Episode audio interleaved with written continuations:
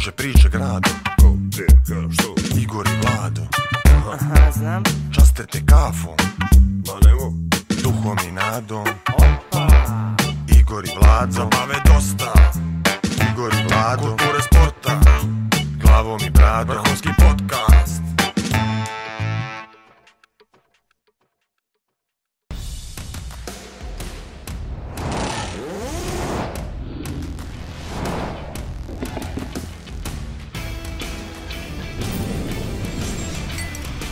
Meridian Casino. Budućnost igre. Bože zdravlje. Igor i Vlado podcast. Sezona 5, epizoda 8. Osam. Gost Nikola Mjušković, powered by Meridian bet. Dobre, dobre, učimo se, nije po meni. Aha.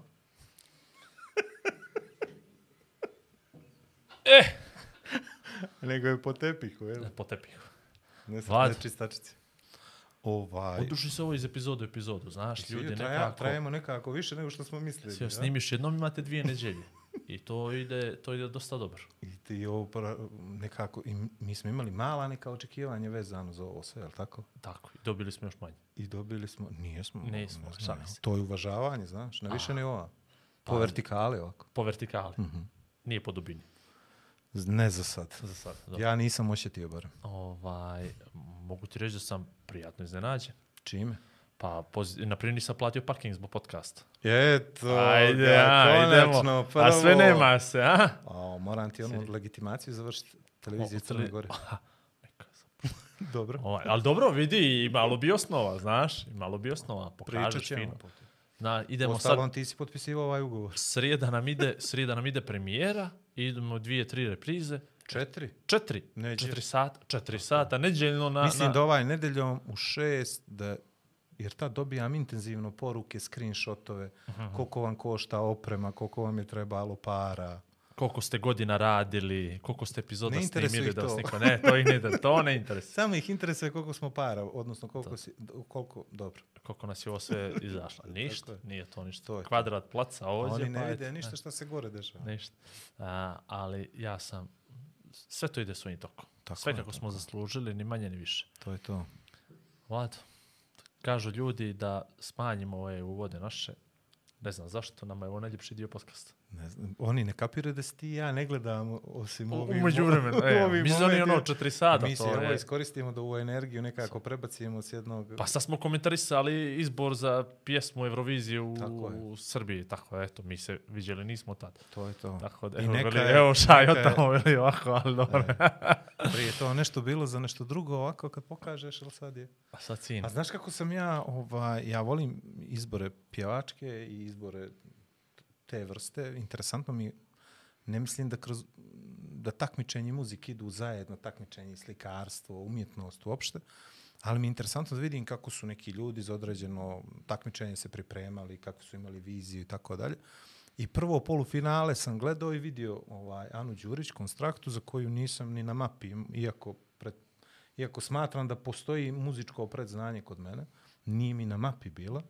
I od tog dana sam apsolutno njen fan i tako mi je bilo milo tu, kao da sam osvojio ligu šampiona, znaš. Ti Nešto sa mi je tvojim bilo, Liverpoolom, ja? otprilike, da. Ali ono, na, na fantazi. Na fantaziji više puta, a za moga vijeka dva puta. Da. A, dobro. Tako da, ovaj, Ništa, meni ide zemlja gruva na repeat, toliko od mene na taj dizel, ako me se sete, sete se, To kapne to. njima malo tamo, ja je slušam. ljepota. Kad će nama početi da kapa? Evo, monetizacija, hiljadu subscribera. Hvala I tu YouTube. stvarno smo imali ob- obavezu da vas, ovaj, da vas obavijestimo o tome. Hiljadu subscribera na YouTube, morat ćemo neku zakusku. Nije malo. Počeli smo već, mala je bila proslava. Slavili smo već, slavili smo već kredit. krug Slavili- firme, tako da je do... dobro. Idemo li? Ajmo, ajde na gost. O standardno tvoje. Ovaj, uh, Najbitnija stvar, čovjek iz Nikšića. je, to mora, ne znam šta da vam kažem drugo.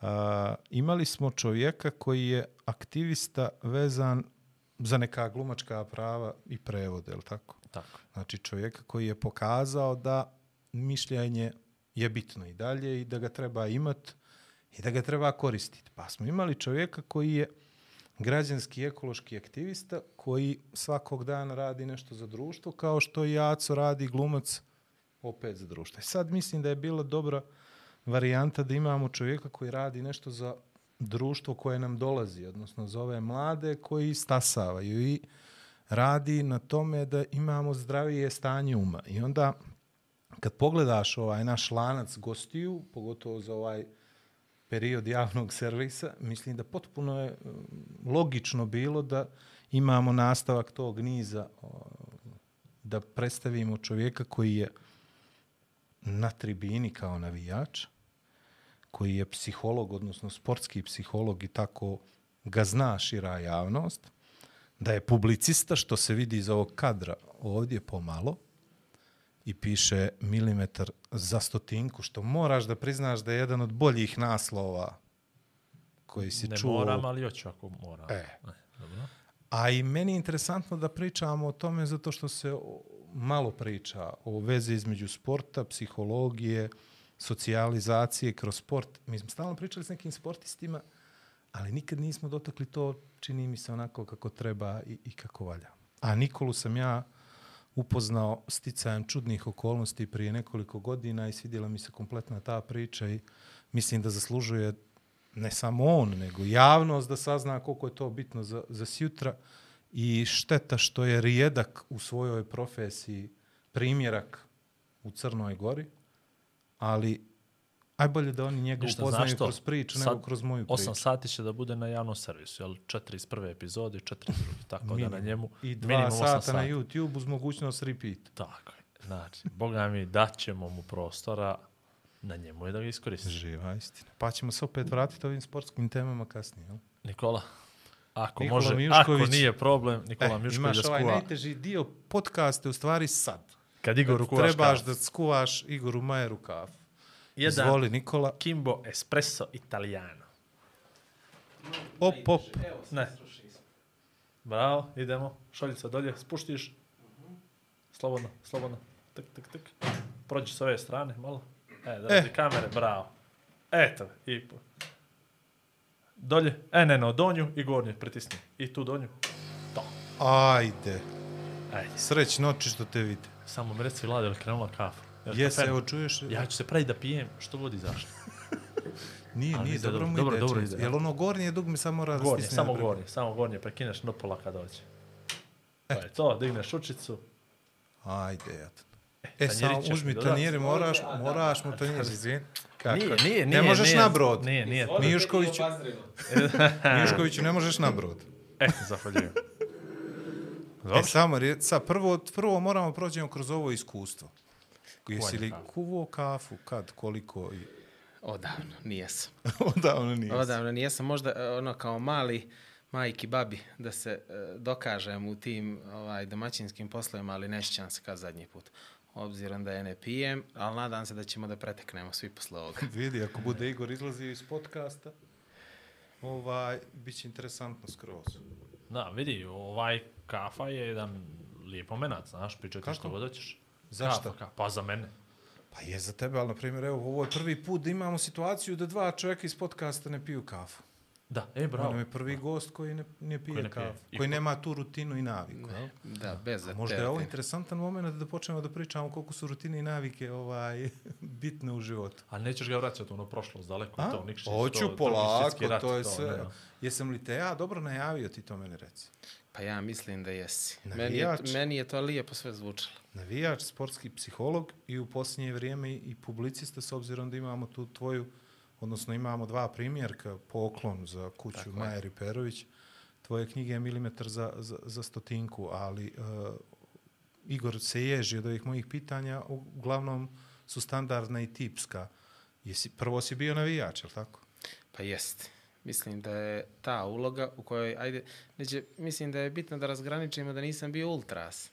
Dobro. Ali sam bio onaj, eh, onaj Zapadna malo tiši, tribina, tako je, je. zapadna tribina, ovaj, eh, ništa manje kritički nastrojena, ali samo malo manje bučna i mislim da je to u suštini bio korijen čitave priče kako da se u, u čitavom širokom domenu psihologije baš ta specijalizacija ako mogu tako da kažem, ode u tom sportskom smjeru. Znači, kako se ja razumijem, ti stojao na tribinama i posmatrao ljude oko sebe i pitao se što ovim ljudima ovo sve treba u životu i ajmo malo psihološki ugao. Ili si razmišljao ni ljudima na terenu dolje? Pa ne, u suštini, ajde da kažem, jedan od najvažnijih momenata u mom dosadašnjem životu je bio taj kad sam nakon tih opštih studija, nakon te četiri godine, upisivao nešto dalje. I prosto ja nijesam, nije bilo previše ni širine šta upisivati, ali tada je u meni bila ta jedna dilema i mislim da sam je tada prekratio, iako sam imao mnogo, mnogo vremena još kasnije stvarno za razmišljanje. I sve, on, sve one, pošto sam uvijek te neke odluke donosio stvarno srcem prije nego glavom, ovaj, koliko god to nekad zvučalo dobro ili loše, ja sam... društvo E, pa ja sam se... Bez glave svi odmah. Jeste, jeste. Ja sam i, i, i u suštini e, tu odluku da ću pokušati da najveći dio svog profesionalnog života usmjerim ka sportskoj psihologiji sam bukvalno donio u sportskom centru. Bilo je, bilo je toplo, igrao se derbi između Sutiske i budućnosti, jedan od rijetkih koje je baš Sutiska dobila u onih par godina kad se to zn- znalo. Jeste, igra, da. tako je. I mislim da je tada, to često pričamo, onaj neki navijački bubanj u suštini rekao da bi to trebalo da bude... Ne bi ja rekao da ti ipak srce tu donijelo ono prije glava, od bubnja i od svega. Ne, ne, isto, Ne, jel? je to, isto je to srce, pa sad je leho bio u glavi ili nije, ali rekao bih da je, da je, to, da je to bilo nešto što je pokrenulo. Možda u tom momentu, obzirom da sportska psihologija u Crnoj Gori u suštini nije e, ni postojala, niti je bilo ko pomislio nekad u tom momentu da se e, bavi tom problematikom. E, nije bila najsrećnije rešenje jer sve neke druge grane psihologije su bile mnogo i sigurnije i potrebnije i prepoznatije, ali mislim da je to kako god okrenemo jedna od najboljih odluka koje sam u suštini u životu do sad donio. A reci mi ovo, uh, kad si, odnosno da li si se bavio sportom prije toga osim što si bio navijač? Zna javnost, znamo i mi, zna Nikšić da je tvoj brat kapiten ragbi reprezentacije, što opet specifično taman ko što si ti specifičan kao sportski psiholog u- Crnoj Više, Gori. evo ja, na primjer, to nisam znao, ali mislim da su onda Mjušković po tome gledaju, gdje, vide gdje nema nikoga i oni idu tamo, znaš, je li možda to? Nije Da, to previše je- da, ne, Mijuškovića, to je- može biti svuda ih. To je, to je možda dobra kolektivna dijagnoza naša, nismo o tome za sad razmišljali, ali poenta je priča da smo se mi u tom nekom, ajde da kažem, specifičnom orijentisanju ka nečemu relativno kasno ostvarili, iako smo čitavog života u sportu. I sad, kad neko bi ovako porazmislio da ja i moj brat Boris imamo te neke specifične aktivnosti, brzo se zanemari ono što smo čitavog života čak igrali par, par godina i tu prvu Crnogorsku ligu u odbojci. To je bio naš uh, sport, čak smo se bavili tenisom, i, i, ali na nekom mnogo skromnijem nivou, jer je ipak to bio sport koji iziskuje mnogo, mnogo veću logistiku nego što smo mi to ikad mogli da pružimo, ali u suštini je to bila jedna lijepa uvertira koja nas je zakucala za svijet sporta. E sad, kod Borisa je ragbi presudio i ta neka ljubav prema tom sportu, a ja sam se uh, djelimično u zoni komfora namjestio ovako da uh, po znacima navoda solim pamet ljudima i da uh, propagiram te neke ideje koje povezuju sport i psihologiju kao nauku koju sam ja sa 18 godina odabrao kao dominant. Jel, je li moglo to nekako da se pretpostavi, jesi počeo rano da soliš pamet ljudima ili kad je krenulo to? Jesi, jesi li bio ono glavni u odeljenju, dobar đak, Ne, najbolji? Ne, on je bio blagajnik. Higijeničar, blagajnik ili presnik odeljenja? Pa to je u suštini u osnovnoj, u osnovnoj školi je to bilo predsjednik odeljenja dobar dio, dio tih tog obrazovanja, e, a što se tiče srednje škole totalno bilo kontra. Poprilično sam bio miran i ovaj bez nekih e, tendencija i bez neke želje da se na bilo koji način ističem. Te adolescentne godine koje su kod drugih ljudi e, poprilično burne, kod mene su bile najmirnije. Je li to neka genetska greška ili će to nekad kasnije da izduši, To- to, to niko ne zna. To niko ne zna, to niko ne zna, ali to? u suštini mm, je bilo sve Vlado moje, eto, ne baš preveliko znanje o psihologiji, mislim da je momak temperana bomba. Dobro, vi ćemo, ne nosi ništa zapas, to S sam mog primijetio. stručnog aspekta gledano ovako iz ovih prvih 5-6 minuta uvoda, Ne znam gdje će ovo Ja da mislim da je on tek sad počeo, Da kapiraš. je on počeo da, to, da, da, da krene. Vid, e, meni, e, najveća hrabrost u svemu ovome je to što kreneš se baviš nečim što ne postoji. I, Da. i biti kapiten ragbi reprezentacije je jednako hrabro kao igrati ragbi, jel, ali mislim, još si kapitena, sve to, pretpostavljam se onako markiran, naš, imaš deset ljudi koji će vjerojatno te zgaze, a jedan nosi onu traku, e, zgazi i mene.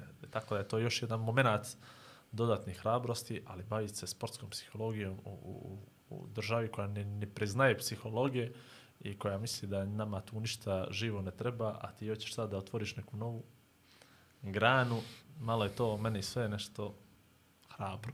Znaš, kak, znaš kako ono kažu za glumce, obično ono, kad roditelji krenu da ih savjetuju, pa ono, a šta će ti to, a to nije stalni posao, a gdje će se ti zaposliti kao glumac, glumica, pa postoje te predrasude. Ovako kad ti pričaš nekom i kažeš si sportski psiholog, ono, gledaju li te čudno i kako si imao tu podršku sa te strane familija, prijatelji. Pa tu je uh, sad ovako ja kad čujem ovo što vi pričate i sad stvarno mi se ono ego diže i govorim kako sam ja stvarno bio hrabar u donošenju te odluke, ali u suštini to nije bilo baš tako. Jer šta je poenta priče bila u vremenu kad sam ja završio fakultet, uh, Pričemu moram da istaknem da su te ocjene koje su neki fiktivni parametar nečega bile zaista dobre. Jako dobre. Ali m, brzo po tom završetku fakulteta nastupio jedan realan problem što ja nisam niđe mogao da se zaposlim.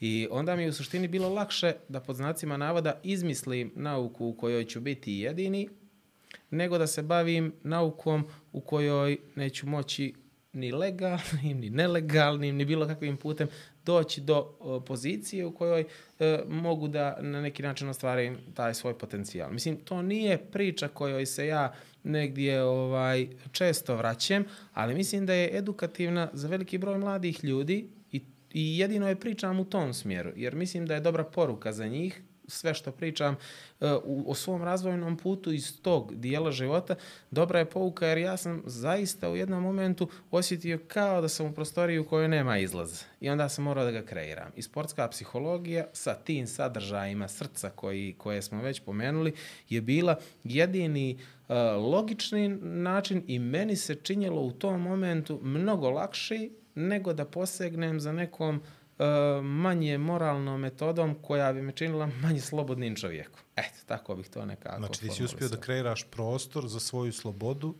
i da sastaviš u stvari posao i zadovoljstvo, a to te jedino čini čovjekom, jeli? kakvim bih ja želio biti i u suštini je to tako. To je, to je e, najkraći put otkud sportska psihologija i u tom nekom, tom nekom domenu ja baš i nisam imao puno e, vremena da razmišljam je li to pametno, nije li to pametno, zapravo ja sam u tome vidio jedini put i kad nemate neki opipljiv plan B, Uh, u suštini nema baš previše praktičnosti i rezona da se vi okrećete sad i da preispitujete neku svoju odluku. Gaziš pravo, pa ćete ponese. Viš kako ovo dobra poruka On je, on je, na on je, startu. on mi je možemo filozof sad, čovječ. Mi, moram, mi možemo sad ugasimo ovo što On- smo počeli. On je filozof osim što je psiholog. Ali I, interesantno i da... tempirana bomba. I tempirana bomba, bomba, da. tri u jedan.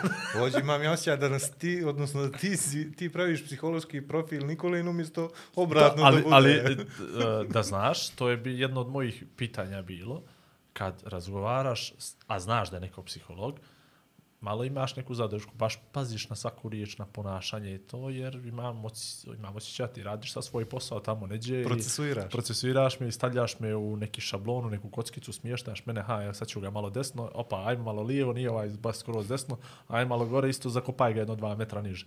Je li stvarno imaš te neke momente, imaju li takvi ljudi momente? Zašto to pitam? Pričali smo u nekoj od prošlih epizoda, pitao sam uh, uvaženu gospođu Vuković, uh, kad vidi šipku bilo gdje, ima li osjećaj da može da se prebaci preko nje, pošto skaču uvi stalno, i ona mene pitala na to, ti kad vidiš jezero ili more, bili ga preplivao? I ja stvarno bih. I, i to je pitanje kad ti pričaš sa nekim, kad razgovaraš, kad se upoznaješ s nekim, da li od njega, da li stvaraš profil neči? To je, Ne. ne, ne, ne, to je, to je u suštini sjajno pitanje iz razloga što ljudi imaju uh, ozbiljnu predrasudu da psiholozi to rade. Tako je. Ali e, generalno naš posao u kojoj god oblasti mislim da nije uopšte lak i, i iziskuje jednu ozbiljnu količinu mentalne energije i posvećenosti tom nekom. I kad bi stvarno neko radio to i, i, i pokušavao da pronikne u dušu ili u glavu ili kako god, e, svog sagovornika, mislim da bi se tako brzo trošili da kad dođe vrijeme kad nam je to potrebno, ne bi, e, ne bi, ne bi, ne bi to radili. Možda, eto, tu bih dodao da imamo tu profesionalnu deformaciju, da um, ono, observaciju neku vršimo možda malo dublji i detaljnije u nekim opštim okolnostima, a sad da imamo motivaciju, želju da volontiramo sa svima i da To je- pravimo to sam psihološke shvatio, profile, to. to mislim da nije Znači, slučaj. ukapirao sam. Dakle, potrebna ti je finansijska motivacija da bi ti nekoga počeo da... Tako je. Tako je. Samo pare. se ne laže. Show me the money, što kaže Jerry. Mo, e, možemo, i, možemo, i tako da, možemo i tako da nazovemo koliko god to bilo blizu i daleko od istine, ali u suštini je, je priča ta da, da mislim da psiholozi to ne rade jer je njima bitno i da... Vlado, mi smo sad relaksirani. Jel se to tako kaže? Ne znam. Ja Previše nemam- pominjemo taj izraz ovdje A, u ovom ne, no, podcastu. hoću Neko kažem- će misliti da smo obojeni. Ništa nisam, ništa nismo čovjeku participirali. I A, on, to, to, a, to, po to, tom smislu smo relaksirani. Ne, čovjek, eto, potpuno nas gleda kao ravne ploče, nazvice. Koliko je Nikšić utjecao na tebe? Bili bio drugačiji da, s obzirom da si određeno vrijeme provodio i u drugim gradovima Crne Gore i da si studirao, pa si bio lijevo i desno i sad sa svojim iskustvom, znanjem, mogućnostima čovjeka koji se bavi psihologijom, šta misliš koliko je Nikšić utjecao na tebe? Mislim da je to bio jedan snažan uticaj, posebno u onim godinama kad se ličnost najviše formirala, a mislim da to nisu godine adolescencije, već prije mislim da je to ono pitanje, ulaziš u dio studiranja, postaješ na neki način čovjek, kuvaš taj neki svoj zanat u glavi, stvaraš neke principe, rezone i mislim da je baš u tom momentu, ambijentu u kom sam, u kom sam živi, u kom danas živim i za koji se nadam da će biti ono dovoljno stimulativan, da, da ne poželim da ga napuštim, uh, mislim da je taj uticaj bio dobar. I, I osim toga, e, nekako sam i ponosan jednim dijelom, iako sam svjesan velikih manjkavosti i svega što naša sredina nosi, ali mislim da ovaj, je, je neđe lijepo da se zna odakle taj čovjek dolazi i da u svojoj ličnosti nosi neke ambijentalne e, karakteristike. Kad kažeš naša sredina, misliš na Nikšić? Da, da. Jer nas je dvo, od, od nas troje dvoje. Pa, dobro, zato će Trepće, se slobodno- ogradi. slobodno će se trepće. ogradi. Slobodno Pa, trepići. vidi, ne znam kako se to u terminima politika, ali mislim da kvorum imamo. Ne, imamo dvotrećinsku, možemo Tako da ga preglasamo za sve. Apsolutno. Šta je, šta je tu? Šaje se, ne pita ništa. Ništa. E, Koje su crtice, prije nego što Igor smisli sljedeće? isto, isto, isto je bilo, isto je Koje bilo. su crtice te ih, tog djetinjstva, te nikšićke, koje su baš karakteristične i koje nosiš sa sobom i koje ti nije dao genetski kod, koji ti nisu dali roditelji, bliska familija, šta ti to dalo društvo, koje norme i načela. Ja uvijek govorim, moj period gledanja western filmova ili onih Bruce Lee ili Jackie Chan uticao je na to da imam neki osjećaj za pravdu ili da se borim za nešto što pokušava, što ja mislim da liči na pravdu i tako dalje, neke moralne vrijednosti, kakve god da su i šta god da se prolazi u životu. Šta to daje ta Nikšićka ulica da, da si ti pokupio i da se toga držiš? Pa ja mislim da Nikšićka ulica daje jednu notu o danosti i da možda čak u ovom materialistički orijentisanom svijetu zadržala je dosta neke svoje duše. Ima tu dosta i neke agresivnosti, ima i, ali agresivnosti ne u smislu e, možda napadačke agresivnosti, ali one defanzivne svakako kad treba, isto kao što nekad u futbalu nismo mogli nikog u gostima dobiti, ali nas niko kući nije mogao dobiti. Uh, možda, ajde, rekao sam tog bezobrazluka, lojalnosti, uh, mislim da je da ima Nikšić taj neki uh, uh, specijalni šarm, ima i tu neku motivaciju, jer ljudi koji su, gdje god da su pošli iz Nikšića nosili su tu neku želju da ne budu ajde da kaže, neki obični otisak na, na papiru, nego da se nešto tu dešava, da postoji nešto. Ne možeš biti tako neprimjetan, moraš imati neki svoj identitet, nešto da tu postoji. Možda je nešto od toga teško objašnjivo, ali ja duboko, duboko nekako vjerujem, pogotovo, ajde da se sad da malo zrađujem u ovaj dio, sportski, kad analiziram šta su sportska dostignuća i vidite da jako veliki broj reprezentativaca dolazi tu, a da nije možda e, proporcionalno veći nego što su gradovi e, s, sa Primorja ili, ili nego što je Podgorica u pitanju, ima to nešto što jednom Nikšićaninu daje, e, daje tu neku snagu, ta neka krila, motivaciju, neku da radi, da se nadmeće sa nekim standardima koji su ovako visoko postavljeni. Definitivno, misliš da je to neka kompetitivnost koja se nameće od starta, od, Tako onoga, je. od onih prvih koraka, od djetinjstva, kad krenu uporedne te vrijednosti, da, da se bace na sto između komšija, rođaka, vidi njega, ima sve petice kako ti, ovaj brži, ovaj ide, ovo, ovaj ono. Misliš da to utiče da smo mi kompetitivni praktično do kraja života u bilo čemu i šta god da radimo? Ja stvarno vjerujem u to. Isto kao što mi je idealan primjer ljudi sa Cetinja koji od uvijek misle i jesu posebni na neki način i, i to ih čini sjajnim u jednom domenu u svojim oblastima iz tako malog grada. E, nemoguće je da je izašao toliko, e, toliko veliki broj kvalitetnih ljudi da oni nijesu imali tu neku fikciju u glavi da njima ta neka jedinstvenost pripada. Nešto najsličnije tome ja stvarno vidim e, vidim u Nikšiću s tim što je možda drugačije, e, što je i prirodno da bude drugačije, ali ta kompetitivnost svakako i mislim da taj neki borbeni duh i taj neki identitet postoje i da će uvijek postojati. Jasno. Idemo mi okolo naokolo, još nismo se dotakli ove teme koja me to toliko interesuje. A jesi li imao osjećaj da je našem sportu potreban, toliko potreban psiholog koliko sad imaš osjećaj da nam treba kad si počinjao sa tim? Odnosno da trebaš da se kloniraš, da si u svim selekcijama od mlađih kategorija do, osjećaj ili do seniora u svim malo sportovima. zagrebo, shvatio koliko je rupa bez dna? A, tu sam prošao ozbiljno veliku onu amplitude, oscilacije u, u, u percepciji toga. Na početku mi je bilo logično da bi trebalo. U jednom momentu sam onda pomislio da zapravo uopšte ne treba.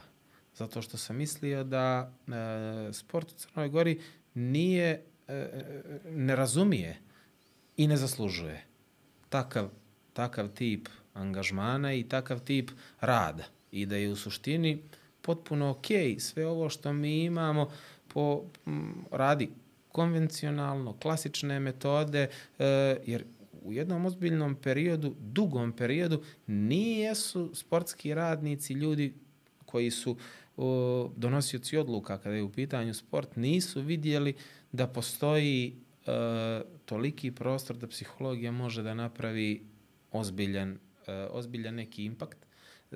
Čak ni kad se uporno pričalo o primjerima dobre prakse iz svijeta. E sad, u posljednjim godinama je počelo nešto ozbiljno i dramatično da se mijenja. I e, sve je više ljudi, čak i onih za koje se nekad, za koje bi se nekad reklo da nema šanse da će popuštiti, da su ona najstarija škola koja samo kaže uđi na teren, igra ili na to neko borilište, kako god da se ono zove i to je dovoljno, nema potrebe pridruživati te neke, te neke nauke. Da li je u suštini prevagnulo to što je e, e, taj uticaj u svijetu toliko jak ili, ili možda nešto o čemu ja često razmišljam, mi smo počeli da ge, po, mom, po mom nekom mišljenju postižemo sve lošije rezultate, pa nas je to neđe navelo da da se latimo alternativnih nauka. Jer to je ono... kao Nedri Ljekar Da, u momentu kad je možda e, prije deset godina, kad smo mi imali u svim reprezentativnim sportovima ozbiljne rezultate, ni sad oni nisu loši, ali se tada nekako činilo da smo komotniji u tom uspjehu. Da, da nam je mnogo šira baza e, reprezentativaca. Da imamo odakle da crpimo I kvalitet. da, Da, to su lige jače. normalno što smo mi prvi u vaterpolu, prvi u ženskom rukometu, jako dobri na još Tako je. nekoliko Ali mjesta. sad, kad oskudijevamo u rezultatima i kad se prepoznaje da možda e, da možda treba neki eksterni doprinos dati i onda potpuno je realno da psihologija, baš kao i neke druge e, sportske primijenjene discipline, e, nalaze nalaze neko to svoje mjesto pod suncem. Ali kako je Nikola, je teško, koliko je teško, mislim, implementira se. Ti si jedini, jedan jedini, jeli? To, pa, to, to, to ja težim cijeli moj to, život. Ni, ovaj, Igor je, već, ja bavim. Igor je već bolesan, ono što on ne može da bude jedan jedini, sad ni ovdje. Smislit ću ja nešto novo. Ali smislit će. Ali sad ovako, psihologija je, pogotovo u sportu, mainstream već mnogo godina. Tako je. I to je mainstream uređenim sistemima, gdje oni znaju zašto angažuju psihologa, psihologe, jer ih ima mnogo, ti se sad nalaziš u sistemu koji nije uređen, koji nije ni sistem, ako ćemo pošteno, i trebaš da napraviš taj neki milimetar za stotinku koji bi donio ulazak u četvrt finale nam je sad uspjeh, a prije ispod zlata ništa nismo gledali. Koliko tu treba čovjek da je fleksibilan, snađen, što bi rekli ovi naši, da ponudi svoj kvalitet, da ne uruši autoritet onih starih klasičnih sistema, a da ti klinci koji dolaze ili ti već neki iskusni koji misle da su sve prošli, dobiju tu to malo što im treba. Mislim da si ti dobro osjetio e, u kom grmu leži zec u suštini. Da, I- je i- narušavanje autoriteta. Ne, mislim, to je vrlo multidimenzionalan proces, što bi rekli ljudi koji pokušavaju da Po sofisticirano vertikali govore. i Tako. po Šta horizontali. njega da razumiješ? I, i, i, i po dijagonali. Ali u suštini, uh, ajde da kažem, opet pojavljuju se ljudi koji koje mogu nazvati kolegama u ovom domenu.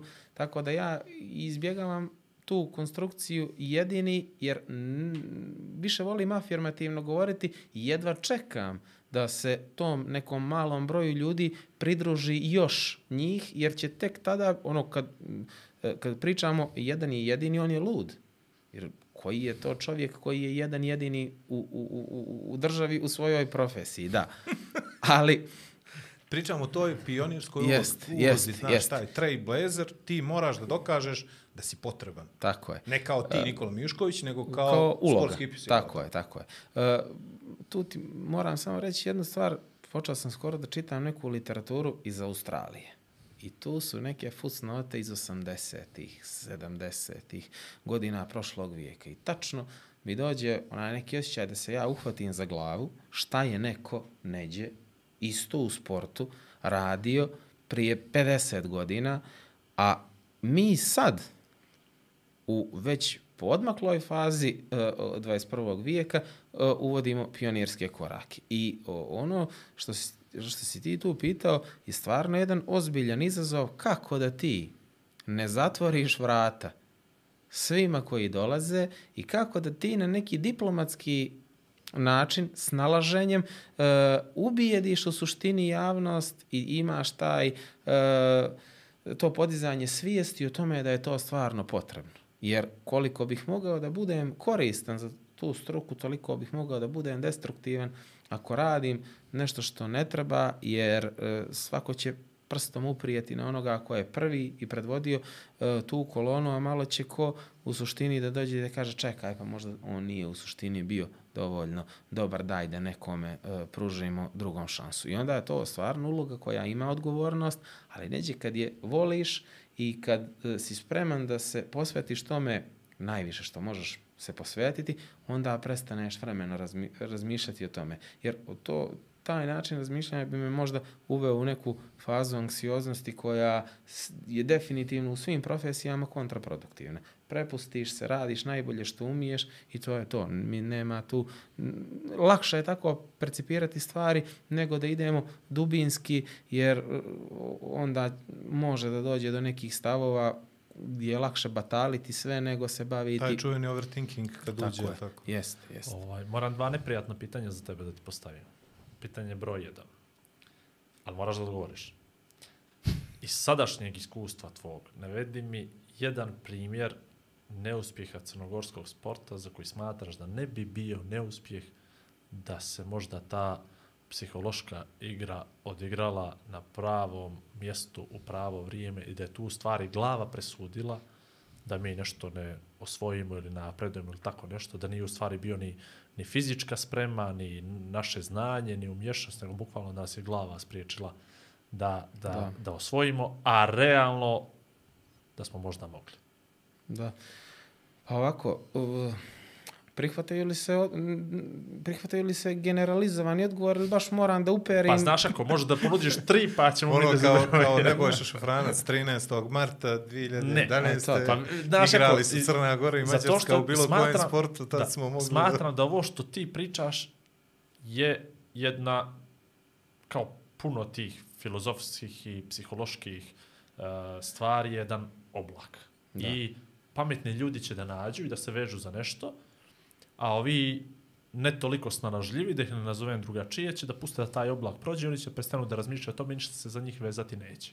Da. I ljudima, smatram da ljudima treba kroz primjere i uh, pokazno govoriti i usmjeravati ih na to. Mi smo, ok, imamo već pola sata, pričamo o, o ovoj temi, ali ja isto mislim da ljudi još ne shvataju značaj i bitnost nečega i da nije to ko će da šutne trojku ili ko će da puca penal ili kako nekoga pripremiti na to, ono je cjelokupna neka slika ovaj sporta, možda se više odnosi, to je bilo sljedeće pitanje, se jer se može više primijeti na individualni, na kolektivni sport, kako u kolektivnom sportu, ako imaš ljude koji ne žele neku vrstu saradnje, koji miniraju tim, kako te ljude i tako dalje, tako dalje, ali ajde sad ovo, što ti misliš sad iz ovog tvog ugla, što je možda moglo bolje? Ne kažemo da, da bi bilo, ali eto, da se malo možda poradilo nekim ovaj, stvarima, Da počnemo od onoga što je najbitnije u jednom četvorogodišnjem ciklusu. To su olimpijske igre.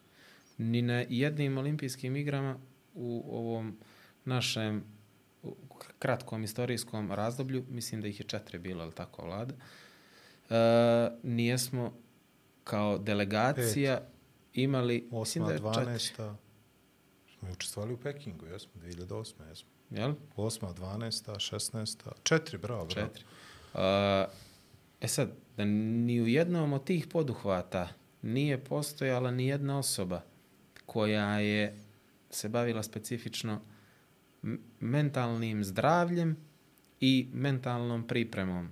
I da je na svakoj, na svakim olimpijskim igrama bilo prostora da se nešto podigne na veći nivo. Ako krenemo od, e, od toga da smo na olimpijskim igrama imali e, četiri borbe za medalje, a samo jednu medalju uzeli, to je znači, to znači da imamo efikasnost 25%. E, mislim da je, ajde, znači konkretno, da si dobio samo jednu utakmicu od sedam. pa, e, E, je tako? tako je. tako, Tako. za to je, to, je, to je jedna- još Ne, ne, manji procenat uspješnosti od toga jedno, 20. sedam u finalu, u, da, jeste, polufinale. jedno polufinale u rukometu je, je, je bilo, bilo ta neka pobjeda. Onda, imamo sad, ovo je meni stvarno super stvar što pričamo o, pet, da. konkre, o konkretnim primjerima. Mi imali smo nekoliko puta situaciju da se u kvalifikacijama raspada, raspane sistem. Imamo recimo kvalifikacije uh, jedne koje ako krenu dobro, guraju dobro do kraja. I to je generalno sindrom čitav crnogorskog sporta da ako se krene dobro, postoji i ozbiljna šansa da će da se uh, održi taj trend, a kad stvari krenu nizbrdo, ne sjećam se da smo ikad uspjeli da napravimo comeback i da napravimo nešto, Samo nešto dobro. sad muška rukometna, Farska ostrva, Remi, ona je u Podgorici, ako se sjeća Da, ko. jest, jest, I to jest. je bio ono tragedija još sa novim selektorom Zoranom Roganovićem i odmah hoćemo li ga smijeniti posle jedne utakmice i posle toga se izdešavalo što se izdešavalo što i završili smo na velikom takmičenju. Ali ovo Jeste, ostalo, ali Da smo ga smijenili, možda bi sad imali zlato. Eh, Budimpešte. E, ali to ti uvijek I, I tu je generalno uh, cjelokupan ambijent u, u crnogorskom sportu takav da se da je svaka utakmica dead or life. I uvijek, uh, pogotovo ljudima koji su na čelu tih stručnih štabova, uvijek im je glava u torbi. I uvijek se svima sudi uh, ne na osnovu truda, energije, rada, sistema, već na osnovu rezultata. to generalno u svijetu e, gdje god ima uspjeha, to se tako ne radi. Tako da u, suštini e, ovo pitanje koje ste Igore postavio nije neprijatno. Samo što je toliko e, duga lista gdje mi možemo to da pomenemo, čak bih ti možda i ja postavio kontra pitanje, a gdje to nije, gdje to nije, nije na, uh, kad su osvojile Malaga. rukometašice zlatnu medalju, Malaga, uh, na svim tim takmičenjima gdje se uzelo zlato, nisi tu prvi, nije ti si- postojala, e, tu nije to- postojala, uh, tu nije postojao prostor, pa makar taj milimetar koji je meni generalno jedinica za uspjeh, uh, u toj mojoj percepciji, je svuda je drugo moglo. Sad, uh, da li bi taj neki milimetar koji bi ta psihologija donijela uh, bio čuveni tas na vagi, to ne znamo, ali Ili bi neka se samo logika... utopio u Ili bi možda samo bio neki jedan... i- mediokritet i- koji postoji, jel? Tako je, Jer ali... ti sa grupom nikad ne znaš šta donosi taj milimetar. Pogotovo u timskim sportovima. jel? Apsolutno. A mi nemamo individualnih sportista toliko da možemo da znamo šta može da donese taj milimetar. A i, e, izvinjavam se što preuzimam, ali e, ti si prije rekao finu, jako lijepu stvar koje, ko će znati da, da pogodi i da razumije o fiktivnom presjeku tvojih znanja kroz ocjene koje si dobio na fakultetu Da. to što su oni uradili na određenom takmičenju, to je samo presjek njihovih kvaliteta na određenom takmičenju u odnosu na konkurente koji su bili u tom trenutku tamo i ništa više. Ako hoćeš da praviš određenu analizu bilo čega, ne možeš da se zaustaviš samo na te kvalifikacije i ne možeš da se zaustaviš samo na to takmičenje. Zato što svi ti ljudi koji su nas predstavljali tamo i koji nas uvijek predstavljaju, imaju svoju polaznu tačku. Klubovi, mlađe kategorije, treneri itd. itd. itd. I dolaze do pika, a to je takmičenje za reprezentaciju. Gdje onda zavise od svega ostalog. Ko je selektor, kako ih je pripremio, ima li sportskog psihologa ili nema i na kraju zavisiš od konkurencije, jer malo ko je došao na takmičenje i bio bolji od nekoga zato što je bio malo manje gori od nekoga. Da. Jel tako? Otprilike. A vrlo malo puta se desi da neko osvoji zato što je stvarno najbolji i pobijedi sve faktore. Jer sport je lijep, interesantan, zato što postoji mnogo kombinacija koje ti ne možeš sve da predvidiš. Posebno timski. Posebno timski. Što je više učesnika u timskom sportu, košarka, ako imaš Dream Team sa jedne strane, imaš reprezentaciju Kine, lupam sad, sa druge strane, to će biti 100-0 uvijek, što se tiče omjera pobjede i poraza. Mogućnost da se desi greška u sistemu gdje kvalitet odlučuje je manja. Ali ako imaš Paris Saint-Germain i reprezentaciju Kine, držat će se jednom 70 minuta, jednom 80, jednom 90, jednom će biti penali, jednom će zaluta neki go od tih 100 utakmica, shvataš? I što se više igra, veća je mogućnost za grešku da neki individualni kvalitet, timski kvalitet, ne na kraju ne donese, ne donese rezultat. Zato je tvoje pitanje mnogo teško, pogotovo što mi s polja nikako ne možemo da znamo šta se sve dešava unutra. Tako je. Da li nekoga voli, ne voli selektor, da li, ne znam, nija, uh, lupa, Primorac, Jadran, to je ovo tebi blisko, pa, ovaj, Neka gori. e, neka gori, no i to.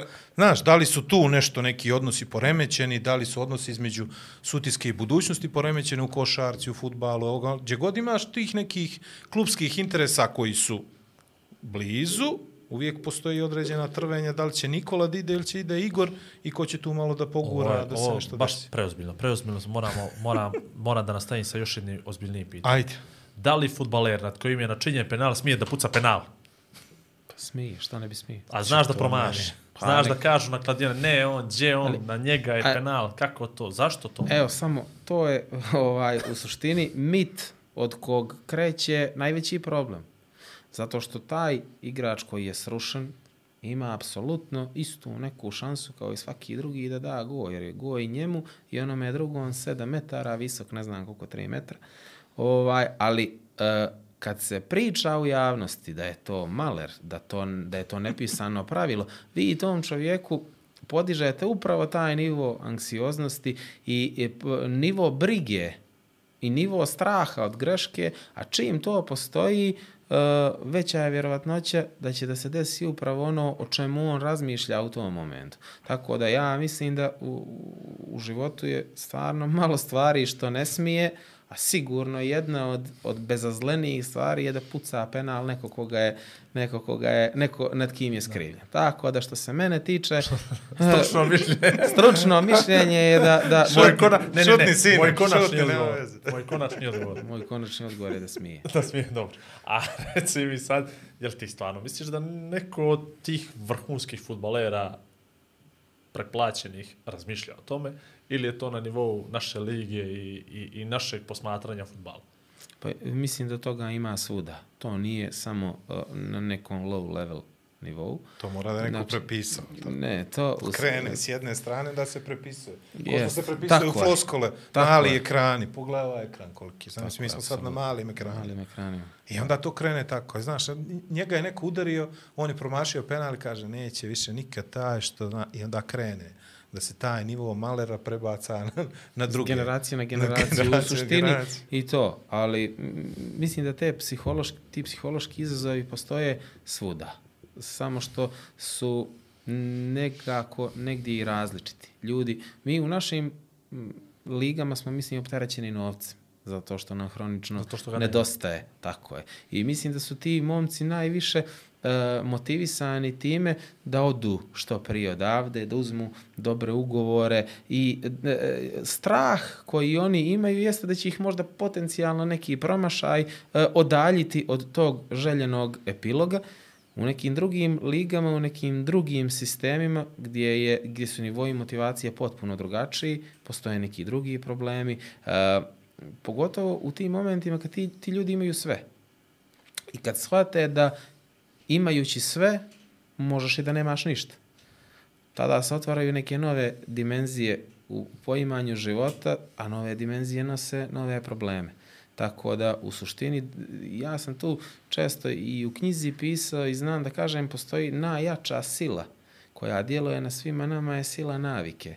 Zato što svaki čovjek, šta god da se desi, navikne se. Ja sam baš sad kad sam dolazio kod vas razmišljao o tome, e, volio bi da imam taj podatak. Kad je počeo ovaj aktuelni rat u Ukrajini, ja mislim da je svaki čovjek svakoga dana ulazio na portale po stotinu puta da čita šta se dešava. A da danas, 20 i nekog dana, rijetko ko uđe jednom.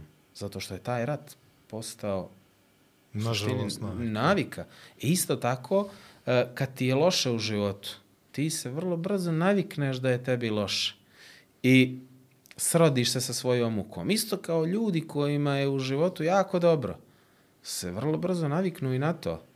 I jednostavno, to što im je nekad predstavljalo dobro, ne, ne, i, i to je, mislim, ta ravnoteža u kosmosu koja je načinjena tako da smo svi mi ljudi zapravo manje više isti.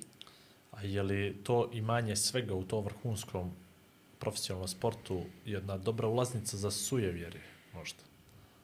Pa za svoje vjerje, pa, ne znam da li specifično, to znam da ga ima jako puno, uh, ali moguće da da. Ja volim da gledam NBA i volim da gledam sve što ima veze sa, sa tom ligom. Ali moram reći da priznam i da je malo smiješno kad pogledate onaj intro svake utakmice kad vidite kako ljudi dolaze obučeni. Ono, nekako, uh, um koji je fokusiran, recimo samo na utakmicu, na košarku, na karijeru, ne može da smisli onakvu kombinaciju ili ne može da opravda zbog čega se taj neko obukao u to što je. To je jednostavno, više ne znaš vrlo često šta ćeš sa sobom i počneš da tražiš e, naši stari su govorili da iznaodiš.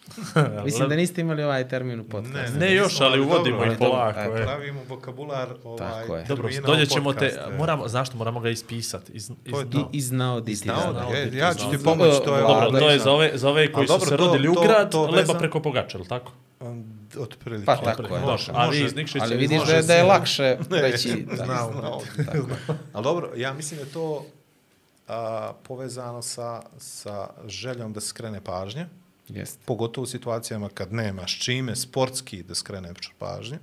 I druga stvar, forsiranje diversity, različitosti. Tačno. Znači, sada je jako bitno da si različit i da se ne utapaš po bilo kom osnovu.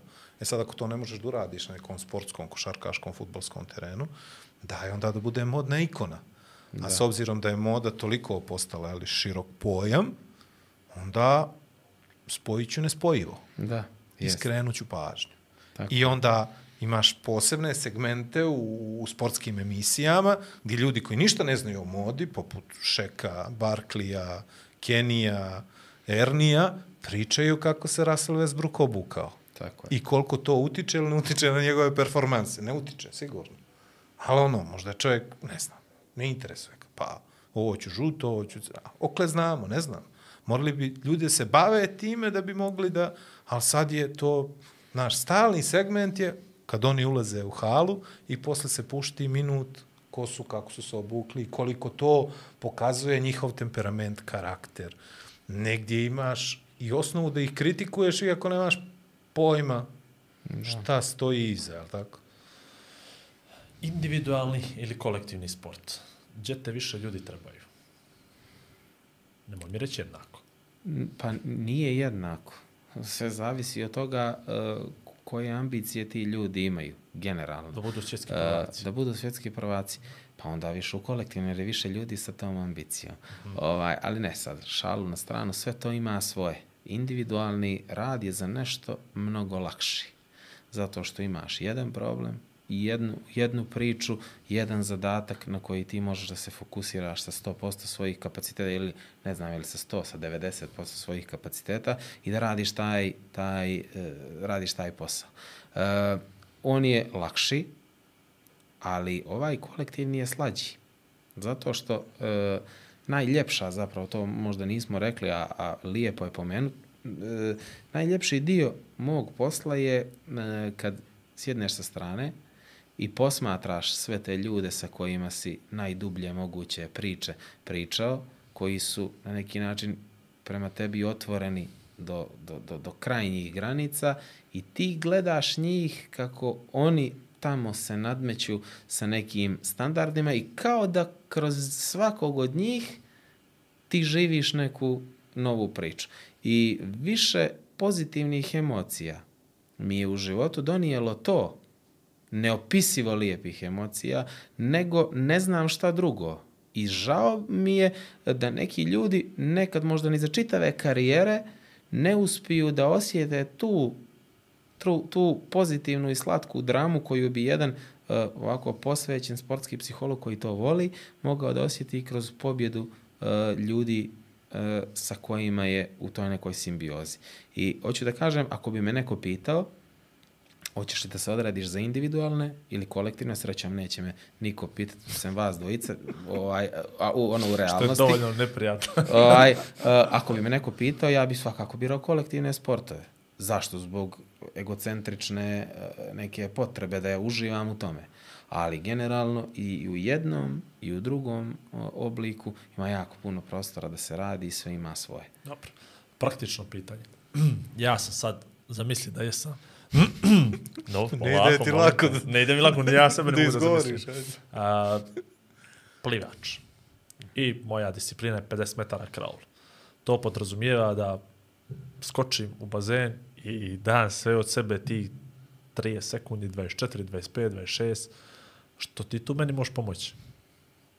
Pa u suštini to sve što si rekao potpuno pogrešno nekako uvjerenje, iskreno. Upravo, E, upravo. E, jer, e, Jer tu je si- pretpostavka je da sa druge strane imaš takvih koji... Da, da, Tako je, da, da, tako je, da. to je to. Sjajna, sjajna, sjajna e, paralela sa tim je nešto što je Bolt rekao, da u suštini četiri godine trenira za 9 sekundi. I e, poenta priče u svemu sa sportskom psihologijom nije da mi pripremamo čovjeka za 9, e, 26 ili 90 minuta, nego da sagradimo sistem u kom će tih 26 sekundi biti jedan uzorak dobrog ponašanja koje je sveukupno. Znači, sa svim ljudima može, postoji specifična priča koja se tiče samo njih i njihovih problema, da kažem, ili izazova, a postoji i ona opšta priča koja te e, koja tvoju ličnost čini mnogo stabilnijom i koja tvoju ličnost čini e, e, bližoj ka nekim performansama. Jer recimo taj neki plivač e, koji se sprema godinu dana za tu neku trku, e, mnogo je bolje ako krene da vodi računa od prvog dana nego deset dana pred trku. Ja svim ljudima e, nešto što savjetujem je da obsesivno vole svoj sport. I onda kad dođete i kad malo promislite o tome šta to znači. To znači da čovjek u suštini treba da živi ono čime se bavi. I onda vidite u suštini da je ta neka trka ili tih nekih 26 sekundi uh, zapravo samo jedno zrno na vrhu tog ledenog brijega za kojeg znamo da je u suštini zanemarljivo mali u odnosu na sve ono što se nalazi ispod. E, uh, u mom poslu uh, ne smijemo da se bavimo samo onim što je manifestno i posledice. Znači, generalno dobra takmičarska performansa je samo šlag na torti ili poslednji čin jedne dobre drame. I to je nešto e, na čemu se radi sa svim tim ljudima. Nemaju ljudi kapacitet to da shvate, nemaju ljudi karaktera ni upornosti, ni doslednosti da u tome budu, ovaj, ajde da kažem, istrajni i da zasluže ono što misle da im pripada. Ja sam nekako vremenom naučio koliko god želio i volio da ostvarujem sa sportistima sa kojima radim dobre rezultate, da će se uvijek desiti ono što je zasluženo. I prosto uh, sve je, mislim da je sport jedna od najpoštenijih djelatnosti, jer često govorim, ako stvarno misliš da ti sport vrati više nego što vrat, daje drugim ljudima, moraš prvo da mu daš više nego što mu daju drugi ljudi. I u, u tom nekom kontekstu postoji jako, jako puno vremena i prostora da se, taj, da se to dno ledenog brijega lijepo oblikuje da bi taj špic ili vrh gore bio onakav kakav neko želi da bude.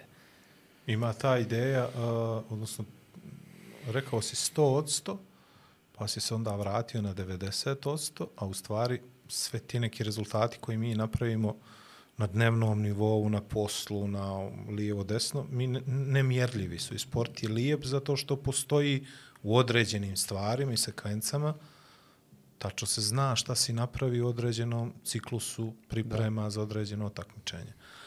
A, floskule tipa dali smo 120 od 100, dali smo 200 od 100, dali smo 1000 od 100, srce na teren, u stvari su samo floskule. I Kre, matematički krenuli. neprecizni. I jako matematički A, a, neprecizni. a floskula krenuli pa stali? Ima to, bili smo loši u prvom, pa smo u drugom naglo popuštili.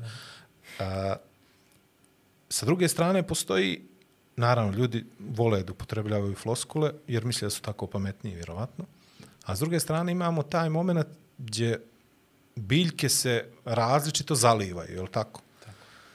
Ne može svako da primi informacije iz poljnog svijeta i koje mogu da utiču na, na, na, na njega na isti način ja imam taj fenomen video analize koja se pojavila u sportu u jednom vremenskom periodu gdje je video analiza trajala po sati po dva vremena.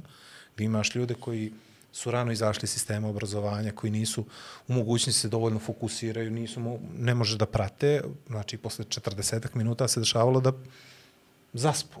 Znači od 22, 30 futbalera, 15 drijema. Posle 40 minuta zakazane analize koja traje sat i po. Pa su krenuli da smanjuju te frekvencije sad imamo vrhunsku video analizu koja traje 5 do 8, čak 12 minuta najviše i to po linijama tima. Jer što mora defanzivac da zna šta napadač treba da radi i tako da. Koliko su ovi mladi ljudi sad koji dolaze i ti ljudi koji upravljaju, odnosno donosioci odluka, spremni da se zalivaju informacijama koje im ti ponudiš? to je realno individualno sve, ali kad govorimo o nekom prosjeku ovako, ja mislim da e, upotrijebio sam negdje, ne znam za koje, za koji medij, e, termin, neka moja kovanica je bila u pitanju institucionalno samopouzdanje. Šta to znači? Ne, nisi u podcastu to još spominjao. ali Nisam. Titlovat Znači, ali u suštini, u suštini vidiš, imamo dobru stvar da neke e, i arhaične izraze upotrebljavamo, ali i nešto novo. Šta to zapravo znači? Mislim, mi svi smo, imamo puno usta toga da sportisti moraju da imaju samopouzdanje. Mislim, moraju da bi valjalo da oni vjeruju Da, u da, sebe i pravo, da je to u suštini prava e, ključ pravi za put, uspjeh. ključ za, da, ključ za uspjeh. I da tako jedino mogu dati tih čuvenih 120%. Ali e, institucija koliko vjeruje u svoje sportiste, ako im ne obezbijedi sve ono što je realno potrebno da oni imaju na putu ka uspjehu. Ti ne možeš da kažeš da vjeruješ svoje sportiste ako, mu nisi, e, ako im nisi e, obezbijedio suplementaciju, ako im nisi obezbijedio e, korektne uslove za pripreme, ako im nisi obezbijedio sve ono što ih što im pripada po nekim pisanim i nepisanim pravilima. Ako, ako im nisi obezbijedio nekoga ko će da se bavi njihovim a, a, mentalnim zdravljem, ako nisi im obezbijedio nekoga ko će specifično možda da se bavi ishranom, nekoga ko će specifično da se bavi, bavi kondicionom pripremom, ti ne vjeruješ u svoj sistem. Ako si spreman da možda baš taj jedan milimetar za koji znaš da može da doprinese, ne uvrstiš ga. E sad, a, koliko su ljudi spremni? To je negdje dobro pitanje. Ja sam imao priliku i nekako uvijek sam sarađivao sa ljudima koji su na neki način bili vizionari. I to je jedan od ljepših momenata u mom pozivu. Do duše sa nevizionarima nisi mogao sarađivati. To je, to je u čitavoj priči. U, suštini... Tu para ne pomaže. To, to, to, to je jasno. Ali uh, ne gledaju svi, Vlado, kao definitivni neki odgovor na tvoje pitanje, ne gledaju svi jednako širokom slikom na sve to. Neko je i dalje ostao zarobljen u vremenu 50. 60. 70. 80. godinama prošlog vijeka i ostao je pri, i ostaje pri tendenciji ako su tada mogli bez psihologa mogu i danas. I to generalno jeste tako da se način odrastanja nije promijenio. Zato što ti odlično znaš koliko si vremena proveo na ulici, na betonu, u prašini, igrajući futbal, a nisi futbaler. Koliko si vremena proveo igrajući košarku, rukomet, odbojku, ko zna šta sve ne. A ništa nisi od A toga. ništa nisi od toga, Niti ali si želio gradio, da ali si gradio te neke sinapse na taj način. Danas djeca u periodu svog odrastanja za najboljeg druga imaju mobilni telefon. To je činjenica koju niko ne može da pobije. Uh, genijalan, ne znam ko je to radio, mislim da je Dejan Tomašević u Srbiji to iznio kao u funkciji nekog iz Košarkaškog saveza, da današnja djeca imaju po 40.000 pokreta manje na dnevnom nivou u odnosu na nas nekad. E, ali, znaš, ako sad mom sinu prsti rade, meni nisu baš Da, da, da. sve. E, E, ali sam ja išao u muzičku sviran klavir. ali samo prst. Ovaj, Da, ali, i, ali je poenta priče u tome što kad ti odrastaš tako, e, prvo imaš deficit u fizičkoj aktivnosti, u, u razvoju sinapsi, u razvoju vještina. Ja bih tako volio da negdje da je to moguće, da, da recimo dovedeš vlada sa njegovih 15 godina i da mu daš da igra neke sportske igrice i današnjeg prosječnog učenika sa 15 godišnje. Međe, Vlado bi ga opučio. Vlada bi ga opučio, to je sigurno, ali ja sam gledao da današnja djeca koja se ne bave recimo košarkom, tablu, ne mogu da pogode. I sad, kad vi vidite da je ambijent u kom djeca odrastaju mnogo drugačiji. Nekad su se na, na ulici si nekad postajao sportista. Na ulici si nekad postajao čovjek. Danas tebe neko to mora da nauči. Zato što si se ti pobio, potukao, pa si se pomirio, pa si postao s tim nekim prijateljem. Evo ja, psiholog, pričam o tuči. Ali u suštini, u sportu, je to nekad imalo neko svoje zašto. Danas e, mnogih stvari nema i ti onda na vještački način uh, pokušavaš ljude učiti ono što ih je nekad učilo neposredno odrastanje. Ja sam 100% siguran da smo mi bili bogatiji kao društvo prije 10, 20, 30 godina, da ništa od sportskih rezultata u ovom obimu ne bi bilo, jer bi mi imali skupe igrice. Nama je sport bio najjeftinija i jedina dostupna zabava. I mi smo kroz odrastanje postajali maheri u sportu. Kasnije se specijalizuješ u nekom domenu i praviš rezultate. Sad toga nema. Zato sad psiholog mora prvo da priča o tome koliko je mnogo bitno da se puno radi, da se pametno radi, pa tek onda izgradnja karaktera, samopouzdanje, strahovi od neuspjeha. Ne, on samo, samo da poentiram, on samo želi da kaže da je u stvari Evropa sad najveći neprijatelj crnogorskog sporta u budućnosti. Zato što imamo po 100 eura više. Zato što sam li ja tebe dobro Ne razumijem. znam, ili 100, 225. 200, minimum. E, Dobro, Da li je to- nekog, Kod mene 100 samo, na primjer. No, on je već ima pa ti si vlada dobro prolazi. Sa mojom Ali- srednjom stručnom spremom. Ali, dobra point. Mislim, ne znam sve, sad li ja dobar zaključak izveo, ali mislim da, Sjaj- da sjajan isto mislim. Sjajan zaključak. Prvo tvoje iskustvo kao sportskog psihologa. Koliko je bilo traumatično za tebe, koliko za tvog klijenta. Čitav proces snimanja ovog podcasta i emisije provešćemo tako što je do tebe, da li ćeš da govoriš o imenima. Naravno, Ne. diskrecija garant. Za garant, što bi neće niđe bez na televiziju crno. Ali kako je bilo tebi, kako je bilo njemu, njoj, timu, kolektivu, gdje si prvi put morao da pokažeš tvoje znanje i kakve su bile posljedice, odnosno kakav je bio taj uzročno posljedični odnos. Uh, meni je bilo super. A, zašto? Zato što sam ja konačno dobio priliku da ja to nešto moje, tu neku moju energiju uh, jako skroman nivo znanja u odnosu na ovo što je sad, jer je to bilo prije desetak godina.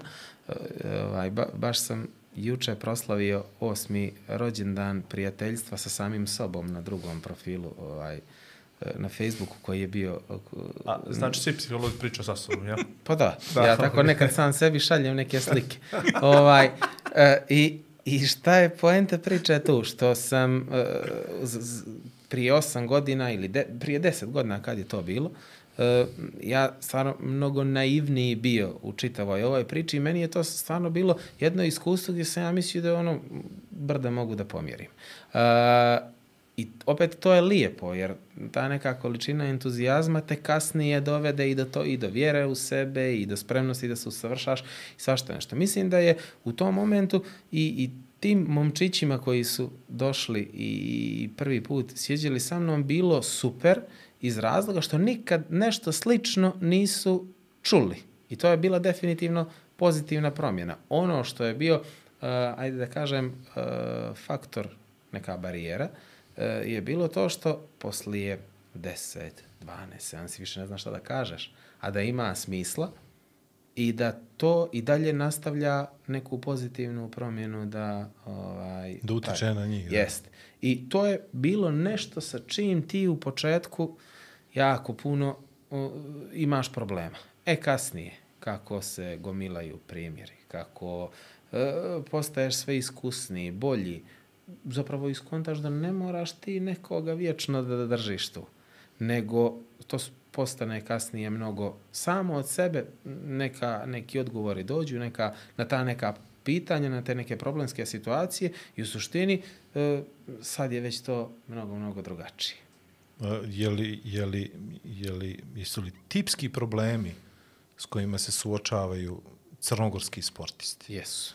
Jer interesantno je ta, i negdje sam ja vrlo blizak toj ideji koju si ti postavio da smo mi najveće uspjehe možda u sportu napravili sa minimalnim sredstvima, odnosno sa sredstvima koje nikad nismo ni imali, niti su omogućena. Jer kad pogledaš da smo izašli iz jednog starog sistema sporta bivših država u kojima smo gajili naše sobstvo, dođemo do toga da posle završetka tih nekih ciklusa i odlaska tih nekih igrača igračica, praktično je prekinut taj nit, prekinuta je ta nit i više nemamo za šta da se uhvatimo, odnosno ti rezultati su sve lošiji. A pritom imamo istu ili sličnu situaciju. Imamo minimum sredstava, možda neke godine nešto malo više, ali u principu sport je uh, bitan u našim životima, ali ga mi ne uvažavamo institucionalno. Da. Kako da se preokrene ta situacija u Crnoj Gori? Da li to do baš čovjeka koji treba da lupi šakom osto i da kaže evo pare, ali kad, koliko, zbog čega? Ili trebamo da držimo tu energiju i ta, da postoji taj mit i priča o getu koji imamo u Americi, da jednostavno ako si siromah, moraš biti ili dobar muzičar ili dobar sportista da bi nešto napravio u životu, da. treći je kriminalac pa se snalazi. Što bi rekao da naš gost, a što je bilo pitanje? Da, u suštini, e, e, to mi je bilo prvo što sam krenuo da pamtim, da vidim šta će sad vlada da me pita, jer otići će, neće zaboravit ću, a bruka bi bila. A ne, bilo je prvo pitanje da li su problemi tipski, jesu. A neku, ću se nekako nadovezati i probati neki miks odgovor da, da napravim na uh, ovo pitanje. Ja stvarno mislim da danas, bez izgradnje sistema, ne možeš ništa da uradiš. Znaš zbog čega sam nabacio ovu digresiju? Samo iz jednog razloga, zato što kogod sjedio tu sa nama, ili kogod sjedio s nama u, u kafiću, ili kogod prošetao sa nama, bavi se sportom, uvijek se kaže, fali para. Ali para nikad nije ni bilo. Da. Mi, smo, I, mi kad smo imali vidimo, taj novac... I ne vidimo, ne znam koliko da ih imamo, uvijek će biti osjećaj da ih stvarno nema. Jasno, ali kad smo napravili te neke uspjehe, osim možda vaterpolo reprezentacije, mi smo praktično uvozili neka mi se ne naljute divne dame, radnu snagu, jer da. gro neke naše rukometne reprezentacije, tri, četiri ključne igračice koje su učestvovale u medalji, u medalji su bile žene koje su počele svoju karijeru u komžiluku, je li tako? Da. Znači, da li će uvijek pitanje novca biti pitanje rezultata i da li će uvijek pitanje novca biti alibi za ono što nam se dešava? Mislim iskreno da se dobar dio sportske crnogorske javnosti krije iza tog objektivnog problema. Znači, taj problem objektivno to sam, postoji. To, to sam želio taj, da čujem. Taj problem objektivno postoji. I da li će biti riješen ili neće, mislim da bi čak možda bilo uludo da mi pričamo o tome, jer ja sad kad bi krenuo o tome da pričam kako ja to nekako vidim, to bi baš bi otišli jako, jako široko. Ali e, mislim da se mnogi kriju i da kad bi novac, ali znaš šta je dobro kad kažeš ovak se mnogi kriju. Sad bih ja mogao da očekujem da će mnogi na mene da se naljute. Neće, ali neće, zato što, što svako misli da to nije on. Tako. Ovaj, on ili ona. I e, šta je tu suština? Što ja bih baš volio da vidim kako bismo mi funkcionisali kad bismo imali novce. To bi bilo vrlo zanimljivo za neku observaciju. Kao fenomen. Da vidimo šta, šta je to. Šta je to? Da li bi taj novac, gdje bi išao, ko bi ga trošio, čime bi ga pravdali.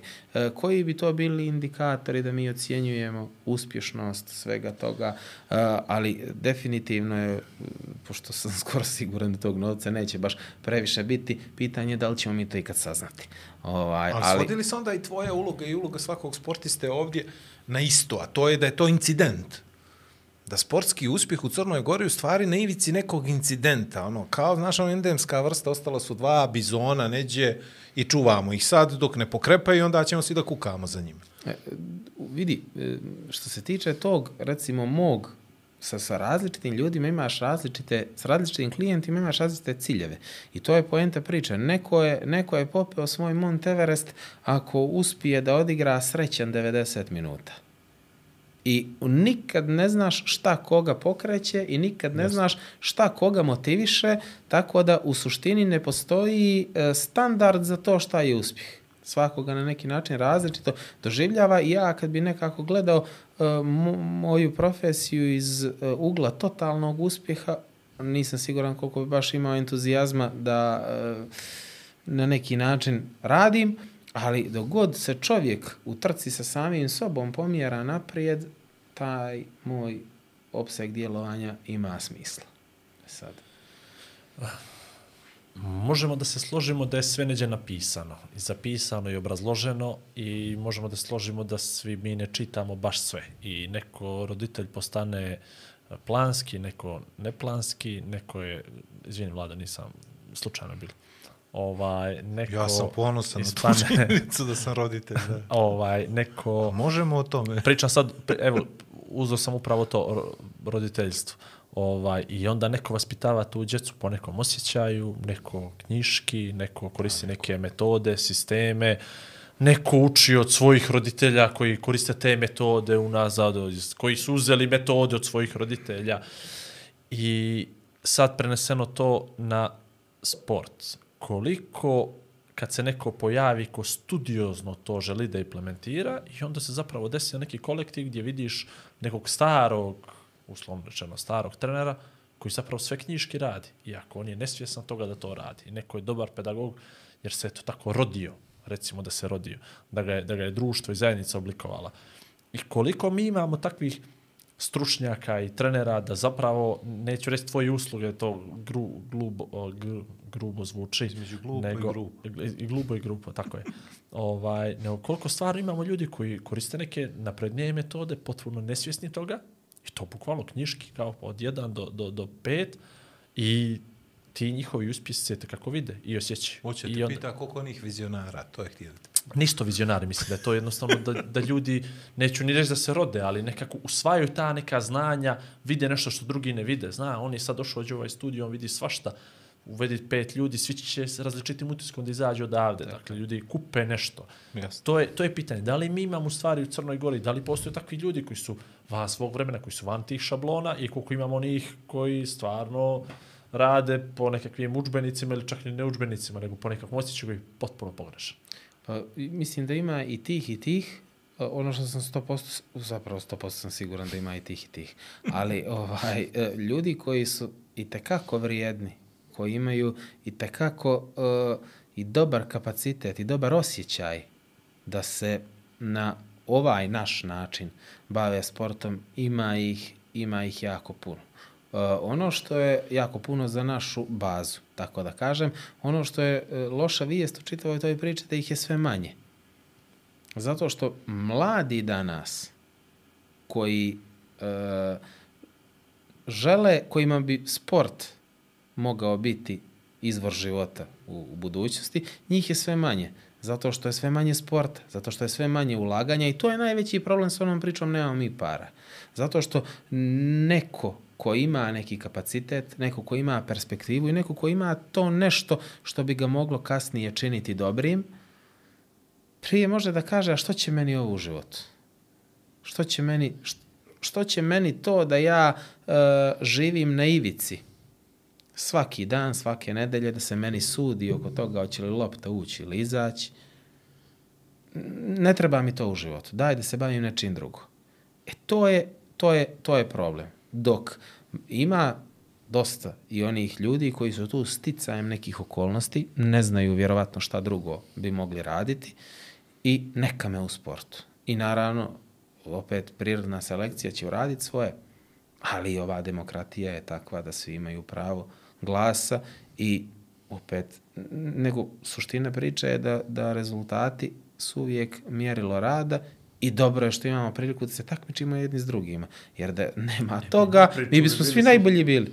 E sad je to interesantna varijanta, baš dok govoriš to i ovo što kaže Igor na priču, koliko mi imamo ljudi koji su spremni samo da pričaju, poput mene, ili ljudi koji su spremni da djeluju, poput Igora, i A koliko i imamo... pričaju.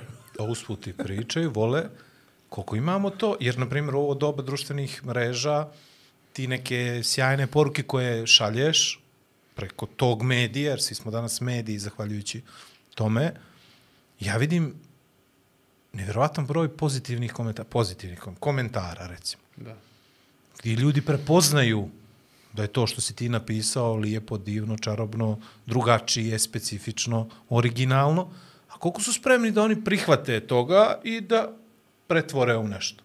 Na primjer, Igor mene godinama nagovara da počnem da trčim, da ne znam ni ja, džaba.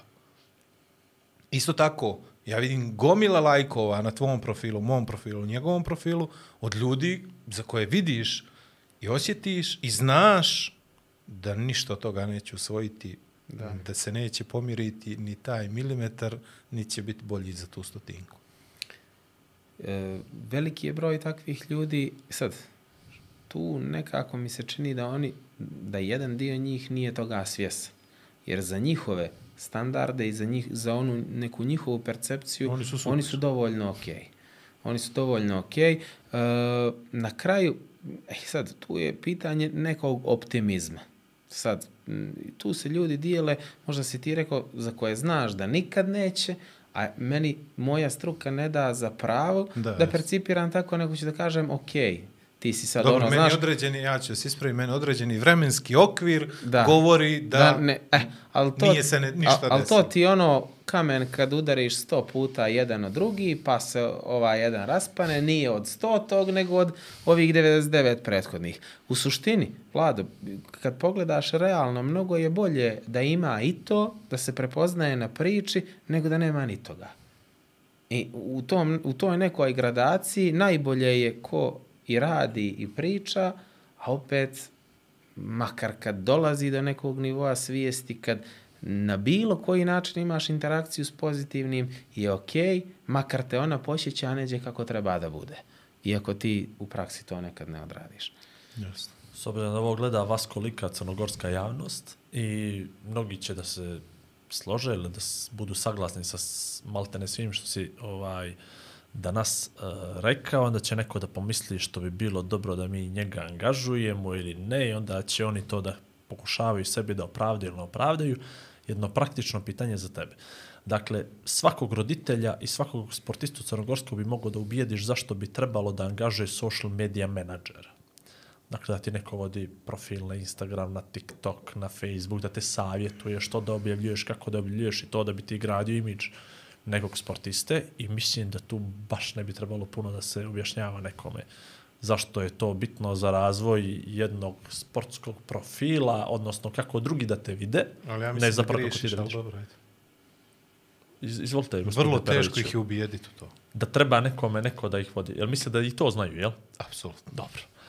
A ja to Recimo mogu da, da- potvrdim iz prakse. Recimo, recimo da ja mislim da bi neko prije uh, zaposlio social media menadžera od nekoga ko bi trebao da se bavi suštinom uh, sportiste. Kako bi ti mogao sebe da prezentuješ u 2-3 minuta onako nekom, nije ovo zaključak, nego samo onako pitam da bi, da bi onda opet možda priča krenula na tu stranu konkretniju neku. Da, pa e, jednu, imam, ajde da kažem, neku nesaglasnost sa ovim dijelom, e, zašto bih morao svima. Jer ja se baš, kako vrijeme prolazi, sam sve svjesni da sportska psihologija ne treba svima. Ne, ne, Nego ne, ne, jednom- onima koji razmišljaju E, o tome. To, to, to. Onima koji razmišljaju o tome, pa vidi u suštini, ja sam taj neko, um, mnogo bi mi manje trebalo vremena, ako po potrebi od ta dva minuta, poenta je priča da ja ljudima pomažem da izvan te zone komfora se ljepše osjećaju. Jer ti danas da bi napravio rezultat, moraš biti izvan zone komfora.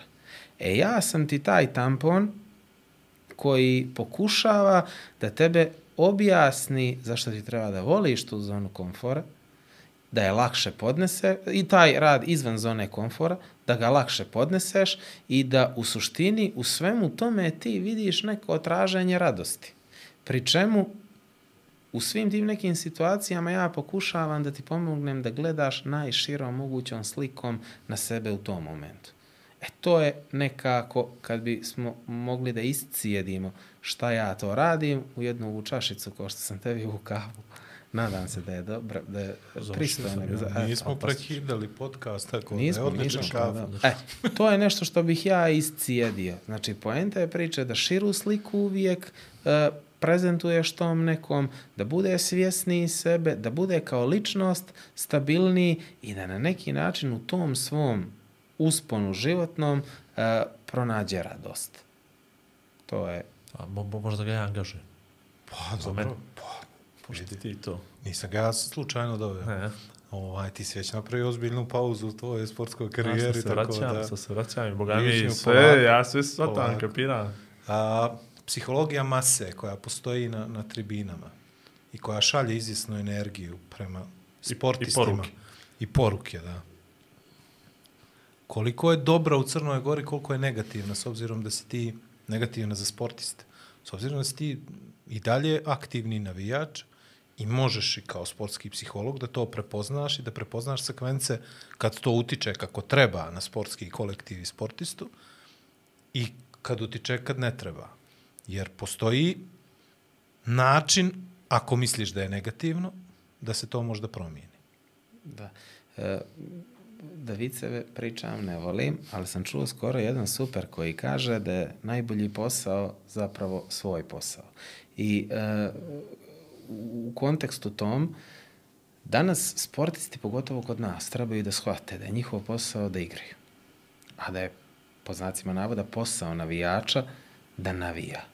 Ili, i ne smiju da zaborave da, valjda bi trebalo da je tako da su oni tu zbog navijača. I sad, uh, kad bih ja imao tu priliku da savjetujem nekog sportistu vezano za pitanje koje si ti postavio, uh, ja bih mu rekao da iz publike izvuče ono najbolje kad te publika nosi, da ti bude krila, da ti, da ti to predstavlja krila ka nekim boljim e, performansama, a kad publika emituje neku vrstu negativne energije, to ne smije se shvatati lično. Jer mi moramo početi da pričamo malo i o psihologiji publike, ovo što si ti rekao o psihologiji mase. Ja na utakmicu ponekad idem, možda je utakmica meni lična terapija. Da izdušiš, jer Tako mi je, za podcast. tako je. I, ako, I sad, ako ja uh, počnem da biranim riječima ili da prećutkujem samog sebe kad imam želju da iskomentarišem neki segment igre koji nije dobar, samo zato što možda neko, nekome može prenijeti da sam ja nešto rekao ružno, tu onda nema potrebe ni za publikom, ni za sportom. E sad, ja kažem, najbolje je da, da sportista izvuče ono što je pozitivno za njega. Dobru energiju, pozitivnu energiju, a na kraju svaku kritiku, svaki normalan čovjek svata kao izvor potencijalnog napretka. A e, pošto je u našem sistemu malo drugačije, I pošto svi sve lično shvatamo, Malo. e onda je ta psihologija mase koju si ti rekao nekad i destruktivna, gdje ponekad publika više smeta nego koristi donosi i sportistima. Jeli, uh, imamo primjere u crnogorskom sportu, ali neću, pošto sve ovdje shvatamo lično. Uh, određeni klubovi su došli do najboljih rezultata u momentima kad nisu imali najvjernije navijače za sebe. Jeli, taj moment kad ti osjetiš taj pritisak preveliki od strane te divne publike koja dolazi tu da te navodno podržava, a možda u stvari samo sebično skreće pažnju na svoj angažman. Moje pitanje prethodno u stvari bilo da li mi znamo da navijamo? Na koji način mi šaljemo poruke? Odnosno, na koji način sportisti shvataju da smo mi kao navijači neka bezuslovna podrška, pomenuo si Nikšić, lojalnost, odanost, vjernost, lokal patriotizam, nema ga samo Nikšić, pomenuo si Cetinje, ima ga i Podgorica. Jel postoji mjesto opšte da može nešto da se tu promijeni? Jer imam osjećaj, kao što si rekao sam, da izdušiš, ti si došao na stadion da izdušiš. Da. A možda nisi došao na stadion da bi podržao to što navodno voliš najviše na svijetu. Jer to malo onako... Kontradiktorno. Pa jest, isto ist, i na isti način kao što je kontradiktorno kad sportista se napije noć pred utakmicu. I u suštini mi imamo tu vrlo često uh, te pobrkane ulogi. Zato sam rekao prije svako svoj posao. I kad bi se stvarno toga ljudi držali, ovo o čemu ti pričaš, što je realan problem, bi bio manji problem. Ali uh, da li uh, umijemo da navijamo, umijemo, da li to radimo svakodnevno i često, to je već pitanje.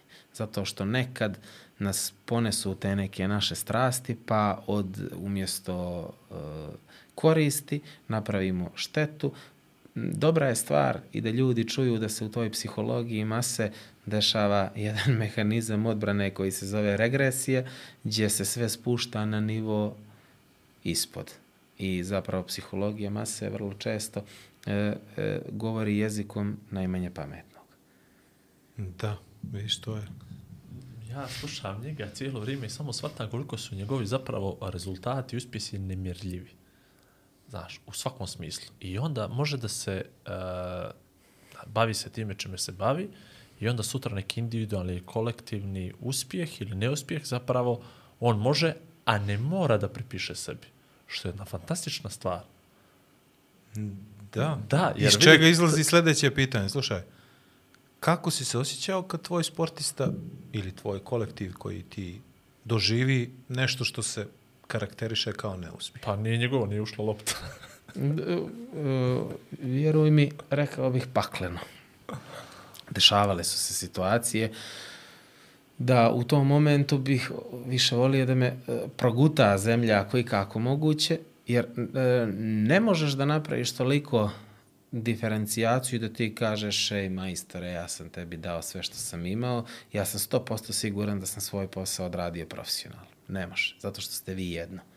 I isto tako kao što ćeš vrlo zdušno uh, prihvatiti uspjeh tog nekog, e isto tako mislim da je elementarno pošteno da i neuspjeh dijelite. Jer to je ovaj, suština posla, ono od čega se ja uh, držim i zapravo najbolja stvar u čitavoj mojoj uh, profesiji je to što sam savjetujući druge ponešto i ja čuo. E, I na ličnom planu pokušavam to nešto da primjenim i mene generalno sam neuspjeh uopšte nije traumatično bilo kako iskustvo. Zato sam i relativno, ne relativno, nego u suštini i opušten i u tim nekim medijskim nastupima i bilo šta mi ne predstavlja, nema neki predznak fatalnog. E sad, ti neuspjesi, e, kad se dešavaju, me lično bole zato što ne mogu ni ja uvijek da odvojim čovjeka, navijača i psihologa, nego se oni biju neđe unutra. Taj psiholog je uvijek naj, najracionalniji, a ova dvojica opet vuku neke svoje uh, poprilično velike Koliko, parčiće. koliko, na primjer, kroz taj proces preispitivanja ja sam dao sve što sam mogao, možda sam mogao nešto drugačije, možda sam sve pogriješio. Koliko je to bitno za to neko tvoje za, za tvoju budućnost, za ono što u stvari ne samo tvoju budućnost, nego budućnost onih sa kojima ćeš ti da radiš sjutra, jel? Pomenuli smo knjigu. Knjiga je rezultat toga. O, ova knjiga ili... Ta. Ta, Ta. dobro. Mislim, i ta i, i, i, ne, i svaka I- i druga. ova što ide, i Jest, svaka jest, sljedeća. Jest. A, ali, kako je ona nastala? Generalno, ja uopšte nisam imao ideju da bih ja mogao nešto komercijalno tu da napravim nekakav boom, da, e, da hranim svoj ego pozitivnim komentarima, e, da, se, da me ti jednog dana predstaviš kao publicistu. To mi ni na kraj pameti nije padalo. Ali jednostavno, u Da ovakvom završiš pored sistemu... Njegoša u Jest, književnosti. jest, jest. O, čekaj da dođe na knjižare, moje sljedeće pitanje. Ajde, dalje. A, e sad, e, vremenom preispituješ se i potpuno je normalno da i ja samog sebe pitam, čekaj, Podvučeš crtu. da li ti u svojoj profesiji prodaješ maglu kao što misli možda 70% ljudi ili ti stvarno radiš dobre stvari u što si ubijeđen od početka. Ti moraš jednog dana da daš sebi odgovor na to pitanje. Kako?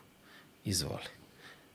Objavi, napiši, daj ljudima priliku da sve to što ti jesi na listu papira vide i neka daju neki svoj sud.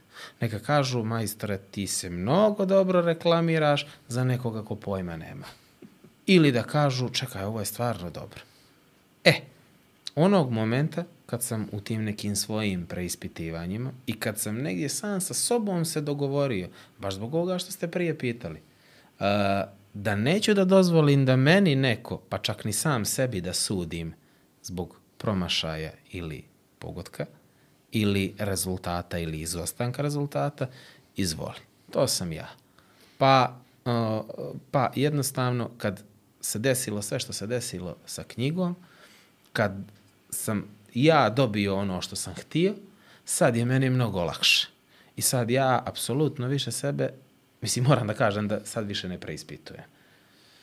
E, neko sam ko stvarno voli knjižare i koji česti čest posjetioc, ne mogu da kažem da sad nešto pretjerano puno čitam, ali da imam jednu lijepu biblioteku kući imam i ono što sam tokom posljednjih godina, kad kažem posljednjih 5 plus, primijetio, to je da su nam e, dio literature sa komedijom sve manji i manji, a sa popularnom psihologijom sve veći i veći.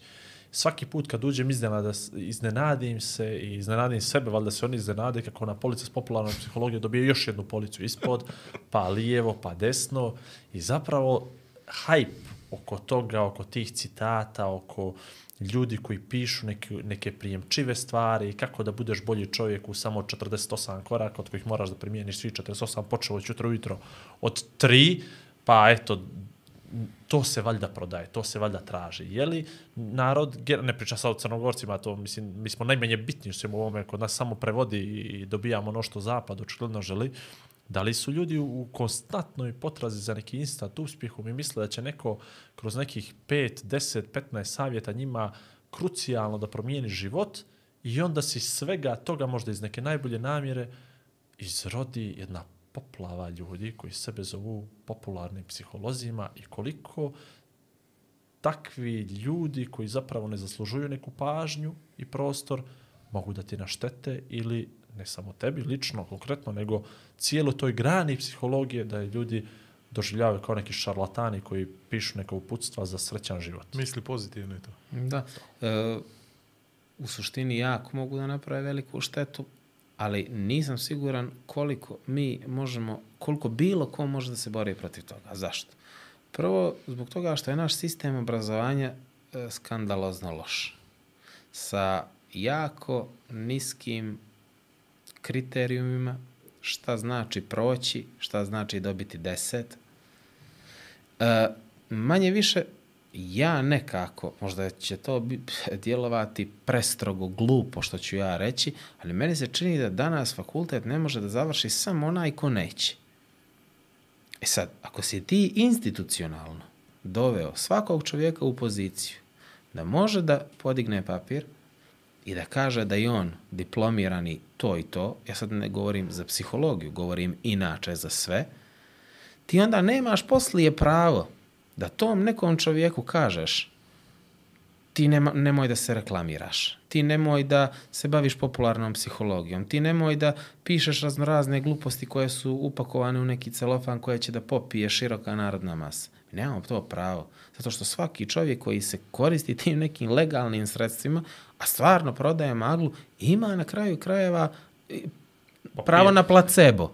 Tako, tako, tako. Tako, I toga je uvijek bilo. E sad, kad bismo mi stvarno porazmislili i počeli da pričamo o tome da nije najvažnije imati formalno obrazovanje, nego da je neformalno suština našeg života i kvaliteta rada, kad počnemo da pričamo o tome da ne mora svako pošto po to da upiše fakultet, ali da bi bilo dobro da svako čita, kad počnemo da pričamo o tome da ako si upisao fakultet, ti moraš da prođeš dobar filter Mislim, postoji nešto i u psihologiji i nauci što se zove Gaussova kriva. Mi smo je prešišali u svakom mogućem obliku i mi smo je pomjerili udesno najstrašnije. I mislim da bi malo trebali da To se je vratimo na... prava zapravo. To je, ono, e, Paralelno. Gaussova, Gaussova prava. tako je. E, tvoj posao sada je praktično nešto što je vezano sa nekim novinama u, u opštini Nikšić, gdje ti radiš sa ljudima koji vjerovatno u samom početku misle da imaju neki problem koji je nerešiv, je li tako? Tvoj posao psihologa je sad da se baviš mentalnim zdravljem stanovnika opštine Nikšić. Pa, e, e, Aj malo, aj približi mi ček, to ček, malo. ću, vas. sad, sad ću ja to... Ja sam to bacio ovako da bi ti to jasno objasnio. Dobro. Mo- Moj posao, sad dolazimo do onoga gledalac kaže, e baš da vidim šta ovaj čovjek. Šta ovaj radi? Šta ovaj čovjek radi? Je li moguće da ovo sve radi za 6 eura? Je. šta je poenta? Uh, znači, to moram da istaknem, uh, pošto ja sad na neki način imam tri radna mjesta. A prvo je uh, ono što već Ko traje, nema. traje u, e, ko nema, traje već nekih 3-4 godine u City Fitnessu kao već dio neke upravljačke strukture, moram tako da kažem. I to je u suštini bio korak koji je meni otvorio vrata sporta intenzivnije. Zato što su se tu intenzivirali sportski, uh, sportski kontakti. Ja sam prešao iz farmerica u trenerku, iz košulje u majicu kratkih rukava i dukstericu, što je moj e, prirodni nekako ambijent, čini mi se. I to je napravilo sjajen, sjajnu uvertiru za sve što će dalje doći. Prije šest mjeseci se dogodila jedna sjajna priča, jer je sekretarijat za sport, kulturu, mlade i socijalno staranje došao na tu ideju da bismo mogli da napravimo nešto što je jedinstveno u Crnoj Gori, a to je besplatno psihološko savjetovalište. I sad, tim potezom je jedan ozbiljan dio mojih snova riješen. Zašto? Zato što čovjek kojem je potreban psiholog ne mora više to da plati. E, koliko god meni bilo drago i koliko god uživam u tome da naplatim svoj rad, postoji jedna posebna dimenzija sreće kad vidiš da si pomogao nekome ko nema novca to da plati. I to ti se nekako čini kao dupla sreća. I uh, u tom savjetovalištu dolaze mladi, uglavnom, nekog uzrasta između 13 i 26 godina, iako nikome zatvorili vrata nijesmo. I u suštini mislim da smo napravili jednu sjajnu stvar, jedan primjer dobre prakse, što ljudi mogu iz drugih opština da iskopiraju Nikšić. Sad neko će reći da, ali to ima već u domovima zdravlja. Ne, ne, to je institucionalno. Či ti moraš da dođeš, da se upišeš u nekakav karton, ne znam šta sve tu ide. Ovo je nešto drugo. U jednom finom kutku ti odradiš nešto zašto si možda najbolji ili nisi najbolji, ali solidno radiš taj svoj posao i nisu samo sportisti u pitanju, u pitanju su i drugi ljudi i imaš jednu plemenitu misiju. I to je po meni sjajna stvar, nadam se da će da zaživi i u drugim opštinama, da će psihologija postati dostupna čovjeku, jer je neđe averzivno bilo pristup taj da psihologija je rezervisana samo za one koji mogu da plate. I treća, treća dimenzija koja mene na ličnom planu čini zaista jako i srećnim i ponosnim je taj angažman u vaterpolo reprezentaciji. Od početka ove kalendarske godine sam sa tom ekipom i pokušat ćemo da zajedno napravimo sve ono što javnost očekuje od nas i prije javnosti ono što mi očekujemo od nas. Znači, ako vaterpolo reprezentacija bude 12, čovjek je kriv. Sad. A to je to, što nije kriv, što nije kriv. Nije Vlado nije. Gojković kriv, nego je on kriv. On kriv, ne, to je to. A, e, namjerno sam se naslonio na savjetovalište, iako znam tvoj angažman od ranije i kako je to išlo, zato što je Igor krenuo tu neku priču o, o popularnoj psihologiji i mentalnom zdravlju. Gdje smo mi sad, s obzirom na te primjere koje ti imaš na svakodnevnom nivou, koliko su problemi ozbiljni i koliko su rješivi? Jer svako ko ti se javi sa nekim problemom, ja pretpostavljam da on u svojoj glavi ima da je to smak svijeta. E, mislim da su problemi rješivi, ali da pored želje da ti riješiš taj problem, mora da postoji i odlučnost da ćeš ti to da uradiš kad god, ali uradit ćeš. Ima jedna sjajna, sjajna slika gdje čovjek na litici daje ruku ovome koji propada i ovaj mu je pružio ruku, oni su se čvrsto uhvatili, ali ovaj drugi, e, ovom drugom rukom drži jedan tovar veliki i kaže ponekad je ljudima e, slađi teret koji ih sputava nego ruka koja im se pruža. E, e, problemi su stvarno rješivi, ali ljudi moraju da znaju da kad dođu kod psihologa ili kod psihijatra ili kod nekog pomagača, Psihoterapeut. Da, tako. psihoterapeuta, kouča. Ti ljudi neće umjesto njih preći put.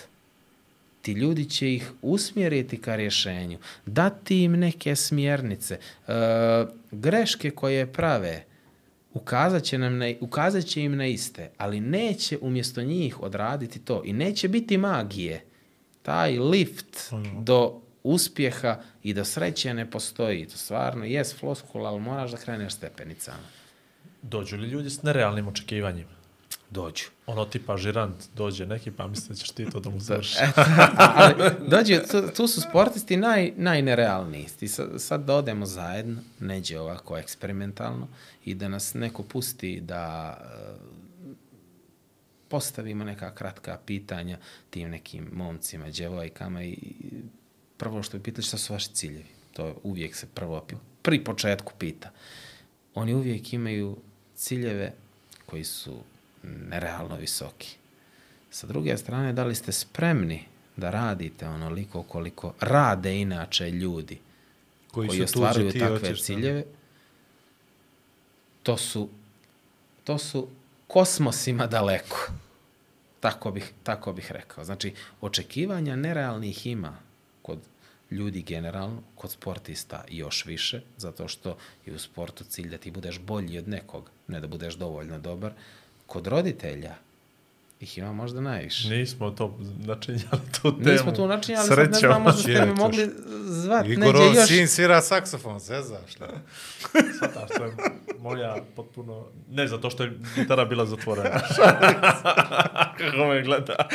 Ko čije snove ispunjava. Ne, ne. Pa dobro. Šalim se, šalim se, bre, šta ti. Ali to je, mislim, to je taj primjer, kapiraš, kad ga neko Primjer, ne zna. primjer? Pa pazi, kad te neko ne zna Da. i kad, na primjer, Nikoli sad kaže, tvoj sin svira saksofon, kakav saksofon, čemu pričaš? Svataš, od, možda, možda doživi pogrešnu percepciju tebe kod tebe, jel? Da. Ako ne znaš širu sliku, kako si ti došao do toga, kako ste došli i tako dalje. Bio saksofona popust, pa... ono najjeftiniji duvački sve ko može se nositi Pošto, jednom rukom. pošto on je svijeta biznisa, pa je vidio da je akcija i to je to. Ne, to ne, vidi, pažnju. to je nešto što može da se nosi jednom rukom, dijete od 11 znate. Mi smo morali gitaru svaki put da mu nosim iz skada iz Ovako, to je jedno. Mislio sam i na flautu, ali rekao koliko je, koliko upravo, upravo je to negdje, ovaj, ovo što sam napomenuo, jedna m, možda i katastrofalna digresija za ovo što ću da pitam, ali koliko su ljudi koji su s polja, kao što smo mi, svjesni šta se sve dešava iznutra? Ne, mislim da ne puno. E, čak i ja, koji znam kako zna biti unutra, nisam svjesan, to, znaš šta to liči, iskreno ti kaže, na kinder jaje.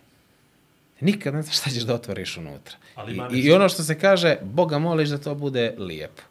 Ja, to, to sam često znao da govorim njima. Kad stanem ovako preko puta grupe i sad recimo to postane moja ekipa, uslovno rečeno moja ekipa, Da, da. e, ja u svim njima vidim kinder jaje. Za koje se nadam da će da bude nešto dobro. E sad, ja ne mogu sastaviti, neću reći iz ničega nešto, ali ako tu nema Materijala, mesa, da. ako nema materijala, teško je i onome ko treba to da sastavi, jedna da napravi nešto. poslovica. Znam, nećemo. Da, pa javni servis nas putao, inače bi rekli. Ovaj. Inače da je slobodan podcast, apsolutno. Ali ne, mislim, to je Ne, ne, mnogo apsolutno. tačna pos poslovica, ali, ali, ali ja ne bih imao Ne, ne, ne, pa izgovora. dobro, pa Ne, ne, ja sam prošli put isto krenuo što su sa Ali, ovnom, Da, ali, ali, ali, sam stao. i ima ono da ne možeš napraviti violinu Ta- od tako je, tako drške koja je za metlu i to su već subtilnije varijante. ali Moje srce violina, što ga diraš kad ne znaš da sviraš? Tako. Vaterpolisti, vaterpolisti, vaterpolisti. E, izgrađene ličnosti, profesionalci, ugovori o kojima mi možemo da sanjamo, pojedini od njih, jel, pričamo o Pa, crnogorske ajde. Pa dobro, pojedini, nisam rekao sad. Je li s takvim ljudima koji su stvarno na nekom vrhuncu karijere teško raditi ili mnogo lakše oni usvajaju neke stvari od E, ovih da, drugih? to je odlično pitanje. Je li lakše raditi sa tim ostvarenima ili sa ovim klincima koji dolaze? Pa, e, kad bih morao da kinder dam, kad bih morao da dam decidan, kad bih morao da dam decidan odgovor, pa, mislim da je generalno jeste lakše, ali sve zavisi i od toga koliko taj neko e, ima u sebi one krvi da on i dalje želi da se mijenja. Ako on želi da se mijenja i ako on vidi da postoji neki neosvojeni prostor koji treba osvojiti, Onda je on je idealan. svejedno. On je, ne, nego on je idealan to jer je kažem, stariji. koliko iskustva ima, jeste, koliko jeste, je- da, to da, da. potpuno. Možda je on prvak svijeta, ali želi svjetski rekord. Ali hoće šest puta da bude I hoće da prvak bude šest puta prvak svijeta i on je mnogo, mnogo zahvalniji jer on ima iskustva, percepciju, shvata jednu mnogo bitnu stvar da vrijeme jako brzo prolazi i da ga nema i da je jako skupo. Za razliku od onog klinca koji uvijek i hronično misli da ima jako puno vremena, da je njegovo presječ, presječno stanje potpuno zadovoljavajuće i da će to sve da ode svojim tokom. I ti tom klincu zapravo moraš budućnost za koju mu sazrijevanjem spontanim treba pet godina, da nekako dosekaš i da mu ga za godinu dana tu kroz te neke percepcije stvoriš. Tako da, kao odgovor na ovo pitanje koje je stvarno odlično, ako je taj iskusni sportista pun krvi, energije i želje da nije dao svoje posljednje slovo, sa njim je mnogo bolje raditi, mnogo zahvalnije, ali ako je on ono otaljava i odrađuje svoj posao... Penzije, i, i, zdravo i, doviđenja. i, i svjestan penzije i živi i radi za ugovor i jednostavno ono fercera. E, tu onda nemaš previše ti prostora iskreno da praviš ne, nešto. Čuješ li nekad kad dolaziš na trening, od, a, evo ga ovaj, evo ga ovaj, da čuješ da će Evo, danas sad danas će- misli. 100% toga ima. Jel? A ne čuješ li ti? Ne A kažem nisam ja, a nisi još čuo. čuo. Nisam čuo, ali, Pa ali, dobro, ali, je ne, ali je nemoguće da nema. Dobro, ali, dobro, kolektiv ima i to drugačije. Sigurno da ima ljudi koji te onako Ima. odbace na prvo, odnosno koji ne dozvoljavaju, koji imaju neki gard. Ali dobro, ajde, to, dobro, nije, nije počeo da sluša to, naš otvoren. A, Marija je ovdje, Marija Vuković je ovdje, nadamo se svjetska prvakinja u zatvorenom atletici, pošto će ova emisija da ide od prilike u nekim momentima kada ona bude ovaj na, na, na, na takmičenju u Beogradu. Marija je ovdje govorila o tom procesu vizualizacije. Postoji ta ljetvica i letvica i ona gleda i razmišlja o tome i ima u glavi kako je ona preskače. Bez obzira na kojoj visini. Koliko je to primjenljivo u tim nekim tvojim ovaj protokolima i da li to uopšte koristiš? Moglo bi biti primjenljivo. I tekako. Vizualizacija je jedna od najboljih stvari koju u toj mentalnoj pripremi neko može, ali to je kultura. To je kultura. Sad mi pričamo o saksofonu, džez ili nešto, znaš, čemu to korespondira. Čemu Sad ćeš da kažeš, Igor ćeš da kažeš da je to sjajna muzika. Jeste. Ali da li to razumije svako? Ti ćeš možda da se ubiješ da nekome objasniš da je džez zapravo sjajna muzika. Ali on, i, ali jednostavno on želi da sluša turbo folk. E sad, vizualizacija, uh, najveći moj problem u radu sa, sa klijentima jeste da ja njega ili nju ubijedim da vjeruje u vizualizaciju. Zašto? Zato što odemo u teretanu, odradimo, ne znam, nija kakav set vježbi, odmah počnemo da se pipamo za grudi. Ti vidiš da je to nešto nateklo. I da tu se napunilo krvlju, radi nešto. Poslije dva, tri mjeseca ti vidiš promjene. I ti si svjesan, ti vjeruješ u to. Ali vizualizacije, e, tehnike relaksacije, e, vježbe koncentracije, sve se dešava neđe duboko unutra. I ti, osim ako e, nisi odlučan, osim ako ne vjeruješ u taj proces, ti to smatraš potpuno perifernim i nebitnim. Čak, Potrošenim vremenom. ja sam čak, analogije pravio da bi čovjek mogao da shvati koliko je vizualizacija jaka i koliko je to u suštini moćan fenomen. Imaš uh, situaciju da sad zažmuriš, recimo, i zamisliš najčokoladniji mogući kolač. Prvo što će da se desi, usta će da se napune pljuvačkom, Evo, salivacija. Eto, vidiš, znao sam ja, zato, mora zato, zatvara zato, oči. zato, zato, Zato zato, gleda sam ja gledao ne u njega. Zato sam ja gledao u njega jer sam znao ko je zicer u ovom, u ovom svemu. Potpuno. I u što je sušt- čovjek- Ona, ona posmatra nas cijelo vrijeme. Imamo još jedno 12 minuta. Posmatra nas, dobro, dva puta ovaj posmatra. profil. Vidjet ćemo fakturu kad nam ispostavi poslije. To mi morate, imate li PIB, imate? Ima, ima, Ima, 9, sve sve. je kod njega, da, Sve kod, mene sve regula fiskalizovan Jeste li sad završili ovaj godišnji i to? Sve i fiskalizaciju, prošle godine do 1. juna neće ti daj si ti Ja to radio sad. da makar jedan nije legalan ovo. E pa dobro, da znamo onda. To smo mi sivo. Ja sam crno, je bijeli, to ti se, odnosno obrnuto, izvinjavam se, ja sam belo, on je crno. Da, da. Ne, izvolite kolega nastaviti. ne, ali u suštini vizualizacija je sjajna stvar. I ovo što sam rekao, kolač, u suštini dešava ti se organska reakcija kao da stvarno jedeš ili gledaš taj kolač. Isto je tako. Pogotovo Uh, u ako ti fali taj kolač. E, da. u Onda sportu, frka u sportu ti možeš svoje tijelo da prevariš svoj um kao da se stvarno dešava to nešto. Mogu da kažem, sad neću da davim nalazima istraživanja, ovo ono ljudi koji su, eh, koji mjere moždanu aktivnost prilikom vizualizacije, detektuju isto ono što se dešava kao u neposrednoj aktivnosti. E sad, ti objasni prosječnom Balkancu, Nikšićaninu, recimo, da on treba da legne svaku noć pred spavanje i da detaljno, temeljno uh, svaki segment, taj neki koji mu je zadat, u svojoj glavi prevrti nekih disci, disciplinovanih 20 minuta. Svaki dan. I da će mu se to desiti. Ti se legneš uveče i zamisliš kako su te zaposlili u Podgoricu. I svaki dan o tome razmišljaš i on se unutra probudiš i dobiješ posao u Pa ja sam mu dao čovječe? potpuno češće. Dobro, moram stambeno pitanje da riješim. A Nećemo stanovati. Nećemo Dobro, rekao, dogovorili smo, nećemo stanovati. Um, ono što sam ja htio da te pitam, uh, u jednom trenutku si govorio o tome da si prepoznao moment da nekad više ne možeš nekome da pomogneš. Odnosno da si mu dao ili sve što imaš ili vidiš da je kod njega određeni limit u poimanju prakse koju ti donosiš. Jer znam da generalizujem i da je sve ovo individualno i tako dalje, ali jel posto... kad, kad osjetiš da je vrijeme da ne možeš Da više? raskidamo. Da raskidamo, da. Ko raskida prvi tu? Znaš, to je uvijek bilo bitno u društvu. Jel, jesi li ti raskinuo sa djevom? Ko je da. koga ostavio? Jer su to kraći vremenski periodi intervali? Jesu to duži vremenski periodi intervali? Ili imamo onaj proces, znaš, sad je sve neko napušta zbog ličnih i privatnih razloga, a nekad se raskida saradnja Sporazumno. Kako to izgleda u A isto, tvojim a, odnosima? isto kao u sportu. E, U, u suštini ispane na kraju da je sporazumno, a, a vas da bude nešto drugo. Ne, e, šta je tu bitna stvar da se, da se kaže? Čovjeku treba dati prostor, jer ne kliknu svi na prvu. Neko mnogo kasnije, nekad jednostavno ljudi nijesu ni toliko otvoreni da iznesu pravi problem.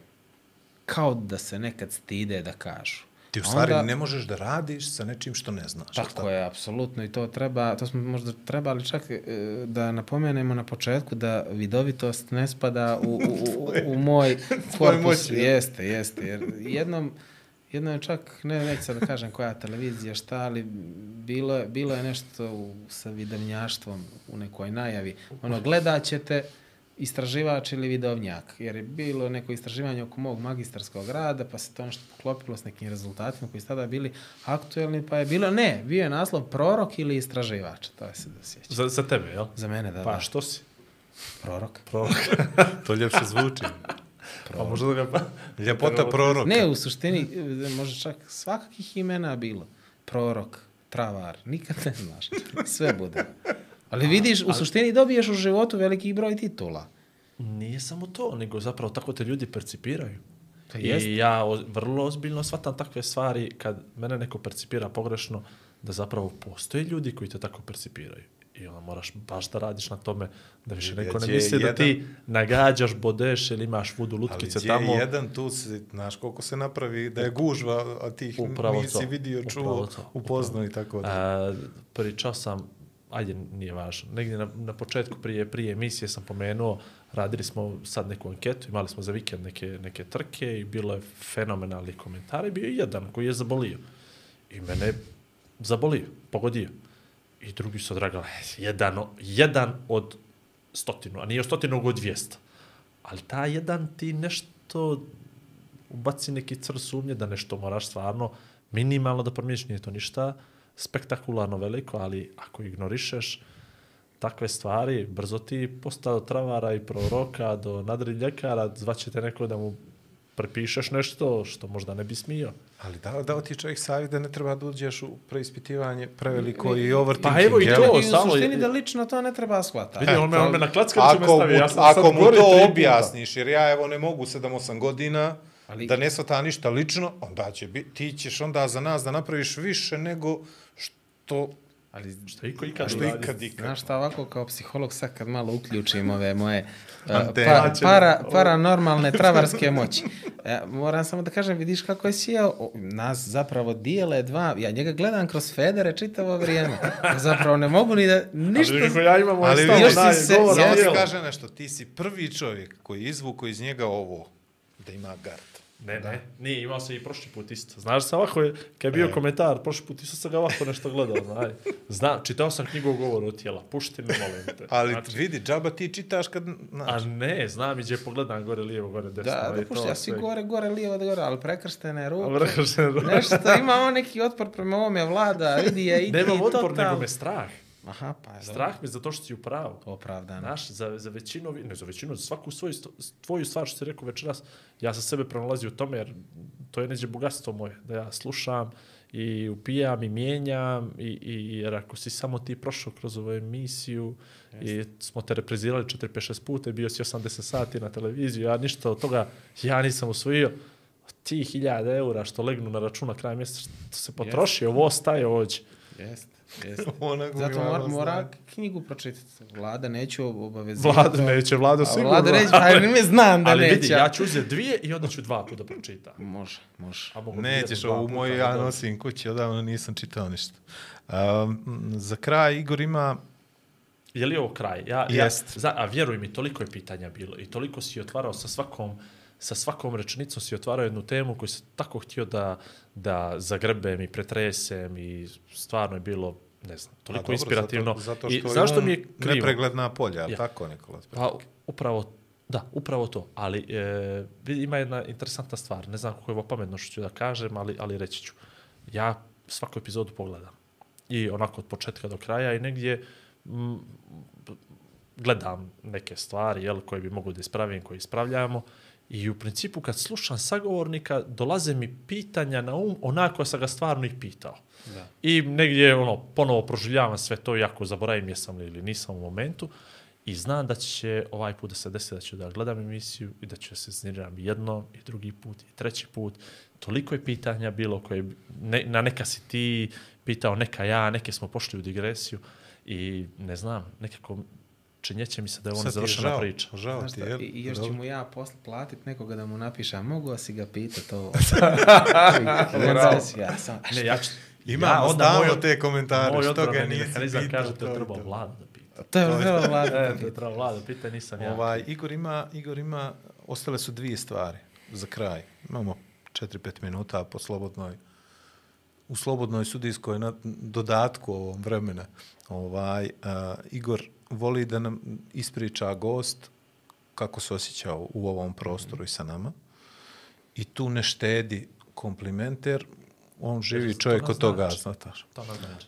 A drugi je ono što smo se šalili tokom čitavog podcasta vezano za naše psihološke profile. Pa možda da krenemo... Ne moraš prvo ti i- da nas sad seciraš pred crnogorskom javnošću, ali bi mogao da... objektivnom ali bi mogao, pa malo kroz šalu, malo kroz, mislim, o, ovaj drugi dio i ne moraš ako se ne osjećaš prijatno mašta. pred kamerama. Ali mi ćemo svakako da se uvrijedimo, tako da...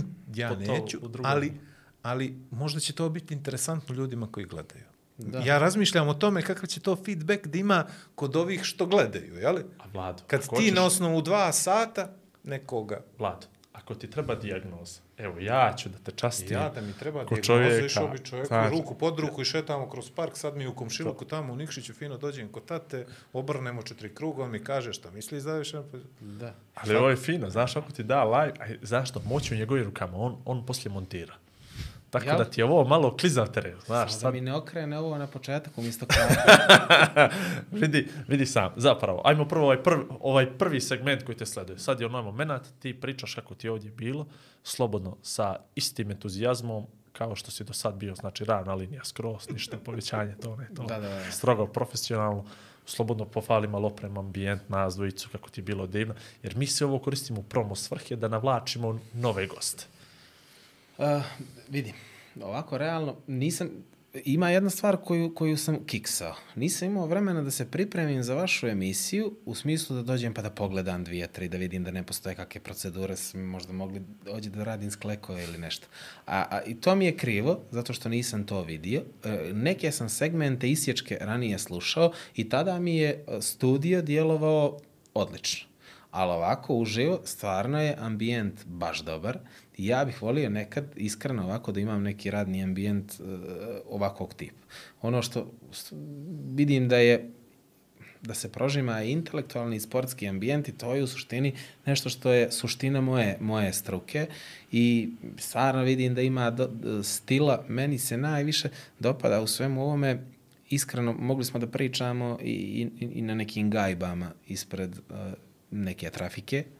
Ne bih pio pivo, da se odmah ogradim, ali o, Ali u, bijela suštini- čačkalica i priča moglo bi. to, to, to, bi, to bi moglo. O, ali dobra stvar je što ovo prevazilazi na neki način onaj onu ustaljenu medijsku formu. Ja sam imao dosta prostora zbog e, jedinstvenosti unutar moje struke i vrlo često sam se osjetio e, popunjivačem raznoraznih programskih šema, e, gostovanja koje e, programirano traju tri minute, gdje tebe neko u sred naboja dobije znak da je to kat i ti izađeš iz tog studija kao da ono, u suštini ne osjećaš se ti tu. Nešto Bog zna lijepo, iako je naravno i čast i promocija pojaviti se na svakom dijelu javnog prostora. Ali suština ove priče je to što ona tebi daje stvarno širinu i priliku da ti predstaviš sebe na pravi način. I mislim da je to u svemu ovome najvažnije, zato što nije ustaljena forma, nije nešto što, eto, tek tako je tu, mi smo to završili, štrekirali, nego mislim da se svako neđe mora svojski potruditi da ovo bude, da ovo bude i ako šta ja mogu da obećam, to je da ću da od sad gledam ovaj vaš podcast i da vas subscribe-ujem. to je, to je, to je, Ljadu i 30 i neki. To je to. 1030 neki. A, I još jedno, ako imam ono više profila, mogu s više, jel? Možeš s više, Ako imam ali... botove, ali čisti YouTube, YouTube, ne, čisti YouTube, YouTube. to čisti. To nam, probali smo, probali smo ga, zeznam, nije nam... probali smo, ne pričam. A, ima dosta teorija. Da li se prvo govori kritika, pa se onda govore pozitivne stvari nekome, i- gdje se po principu dobrog policajca, lošeg policajca. Ali počni po volji. Počni, Počni po volji, neka ostanu u neznanju ko je ođe dobar, ko je ođe loš. Ne. A ko je ne, daj Bože za. Ne, ne, znači sad dolazimo do onog gdje ja treba nešto. Što će možda biti skidano. Ako Pazi, želiš, možda biti ako želiš, ako želiš, zbog gledalaca, Znam iz kako bi glupo bilo da sad kažem da ne želim. Pa da znam, kažem, pa ne, znaš kako Ali ja pazi, vladam. ja kapiram, diskrecija garantovana, ti imaš neke svoje norme u, svom poslu i jednostavno hoćeš da ostane sve to u četiri zide i Pogotovo četiri što znaš oka i da mi zadržavamo potpuno pravo da to isječemo. Da, naravno. što nećemo, to što sad se nije Što se desilo. toga tiče, naravno da sam za, za sve te neke stvari bezbrižan vlade, a onda moram početi od tebe. Ja ne trpćem. Ne, ali ja neću, neću, neću pokušavati da se igram dobrog i lošeg policajca, ja ću naprosto da saspem, neću sve što imam, Ali ali, slobodno, ali ću vidi, samo pazi. dije da kažem. Zbog ja, djeteta moga moraš sve, znaš, Da. jer, jer ona crpi to i onda bolje da zna koje su moje falinke. Ne, ja, u, pošto se vlade ja poznajemo odavno, ja i prije toga sam ja uvijek volio da pročitam nešto vlado, tako da kažem. I uvijek sam vlada doživljavao iskreno kao jedan ogroman resurs, kao jedan veliki potencijal koji se nikada kraja nije ispoljio. To je moje bilo mišljenje uvijek kad si ti u pitanju, zato što uh, mislim, da si, uh, mislim da nisi izvan zone komfora bio u životu dovoljno koliko je trebalo. Mislim da ti je, e, postoji nešto što se u psihologiji zove zona optimalnog funkcionisanja i da je ona kod tebe uh, relativno blizu, relativno blizu u odnosu na ono gdje bi ona trebala da bude. Jer sam siguran da si imao te neke momente u životu da bi mm, beskonačno bolja tvoja karijera bila, a kad pogledam ovako i kad realno posmatramo, ona je i sad prilično reprezentativna i dobra. Ali da mislim da te je možda zona komfora u pojedinim momentima e, dobro nagazila i da se nisi možda snašao u tim nekim ovaj tranzicijama i da nisi ono zagrebao koliko si mogao, jer da jesi, mislim da bi to baš bila baš bio dobar spektakl. Što ne kažem da... e, I mislim da si onaj tip čovjeka, sad se tvoj kolega smije, ali Dobro, to je realno Kolega, tako. istinu pričaš. Ne, to je samo, pazi, što, šta je poenta negdje tu, što ljudi se dijele po onima da li pripadaju trajnim ili razvojnim mentalnim stavovima. Ti si čovjek koji možda više vjeruje u talente nego što oni postoje. Eto, to je neka moja... uh, Ja da mu ovo prevede na jeziku i će on da razumije. može, naravno. Vlado, ja mislim da si ti drvo koje raste ovičano visokim zgradama i koje jednostavno nije imalo dovoljno sunca da poraste i da se iznjedri onako kako je trebalo da bude. Dobro, ja, ja, ja hoće, neću ništa pričam o sebi. Ja Ne, samo ne da prihvatim i Ja da, sam da ja to idemo dobro dalje. shvatio. Dakle, postoje je ogroman potencijal, još uvijek postoji, ali nekako sve to nije... nije Dobro, ne, sklopilo. vidi, e, čovjek dok god je živ i dok god ima prostora, znaš kako, znaš što sam, to je futbalerima bilo zanimljivo postaviti, E, koliko drvo poraste, najviše što može. I u suštini svaki čovjek treba do kraja svog života da se trudi da bude to jedno drvo koje poraste najviše što može. Dobro, došli smo do kraja emisije. To ja, a dobro, čovjek ne Izvoli. zna. Ne, ne, Pa baš zato što moramo ne nešto zna. da probamo. pa Tako je. naravno. Ne. A ja ću onda da ti kažem. Ja sam ti kažem da si pravo. Ne, ne, i vidi, iz, iz, eh, iz prikrajka ono što sam ja posmatrao Igore i vidim se ove neke medalje okolo što se nalaze, nisu one, nisu one tu eh, bez veze. Ja znam sigurno da si ti čovjek koji ima veliku energiju i veliki entuzijazam. Samo što iskreno nekad u ovakvom društvu, kad se sretnu veliki entuzijazam i velika energija i neke, neke realne okolnosti, čovjek vrlo često može da dođe u situaciju da se razočara sa nekim stvarima. I kažem ti, možda si za neke stvari i u životu čovjek ispred vremena, e sad neko će reći to je sjajno. To nekad i nije sjajno.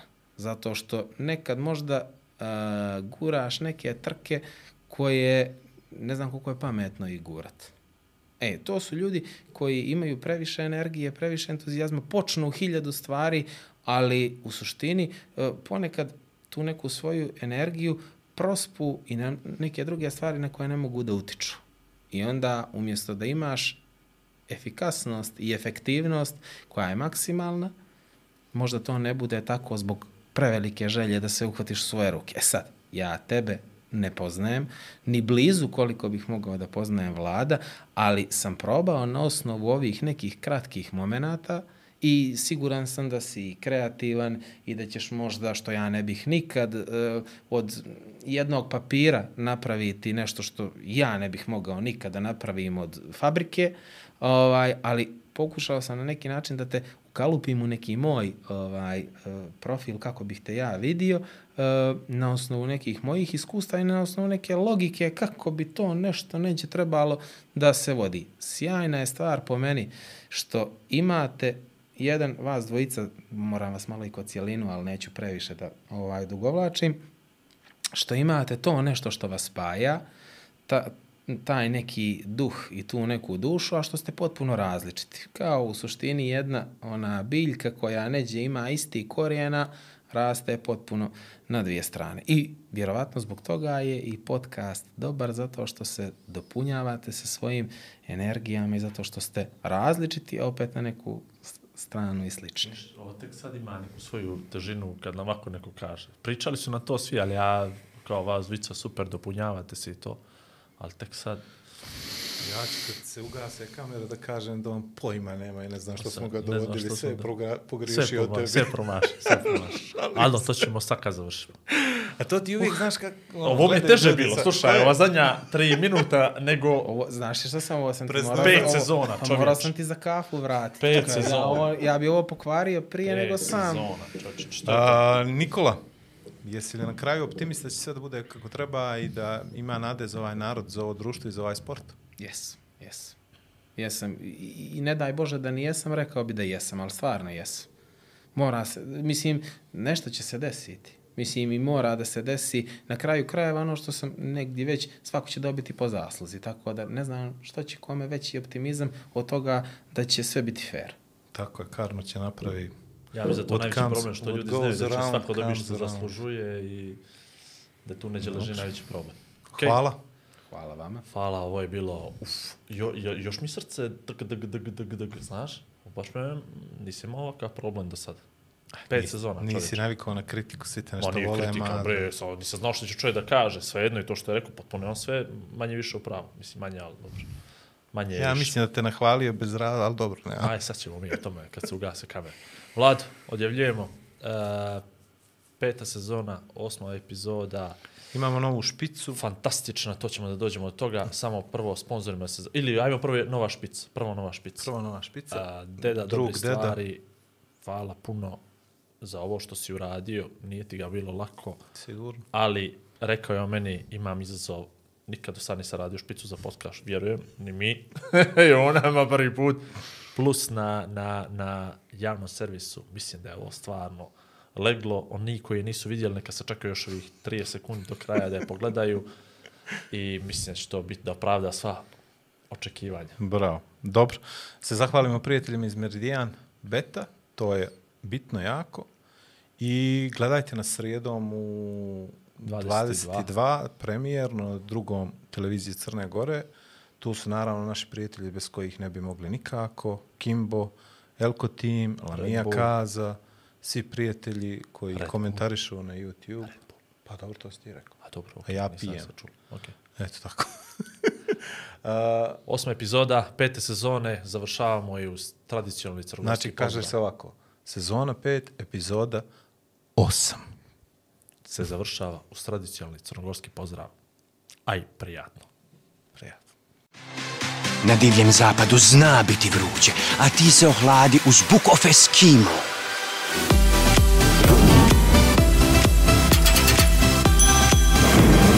Osjeti strast Expense igara. Samo na Meridian Online Casino.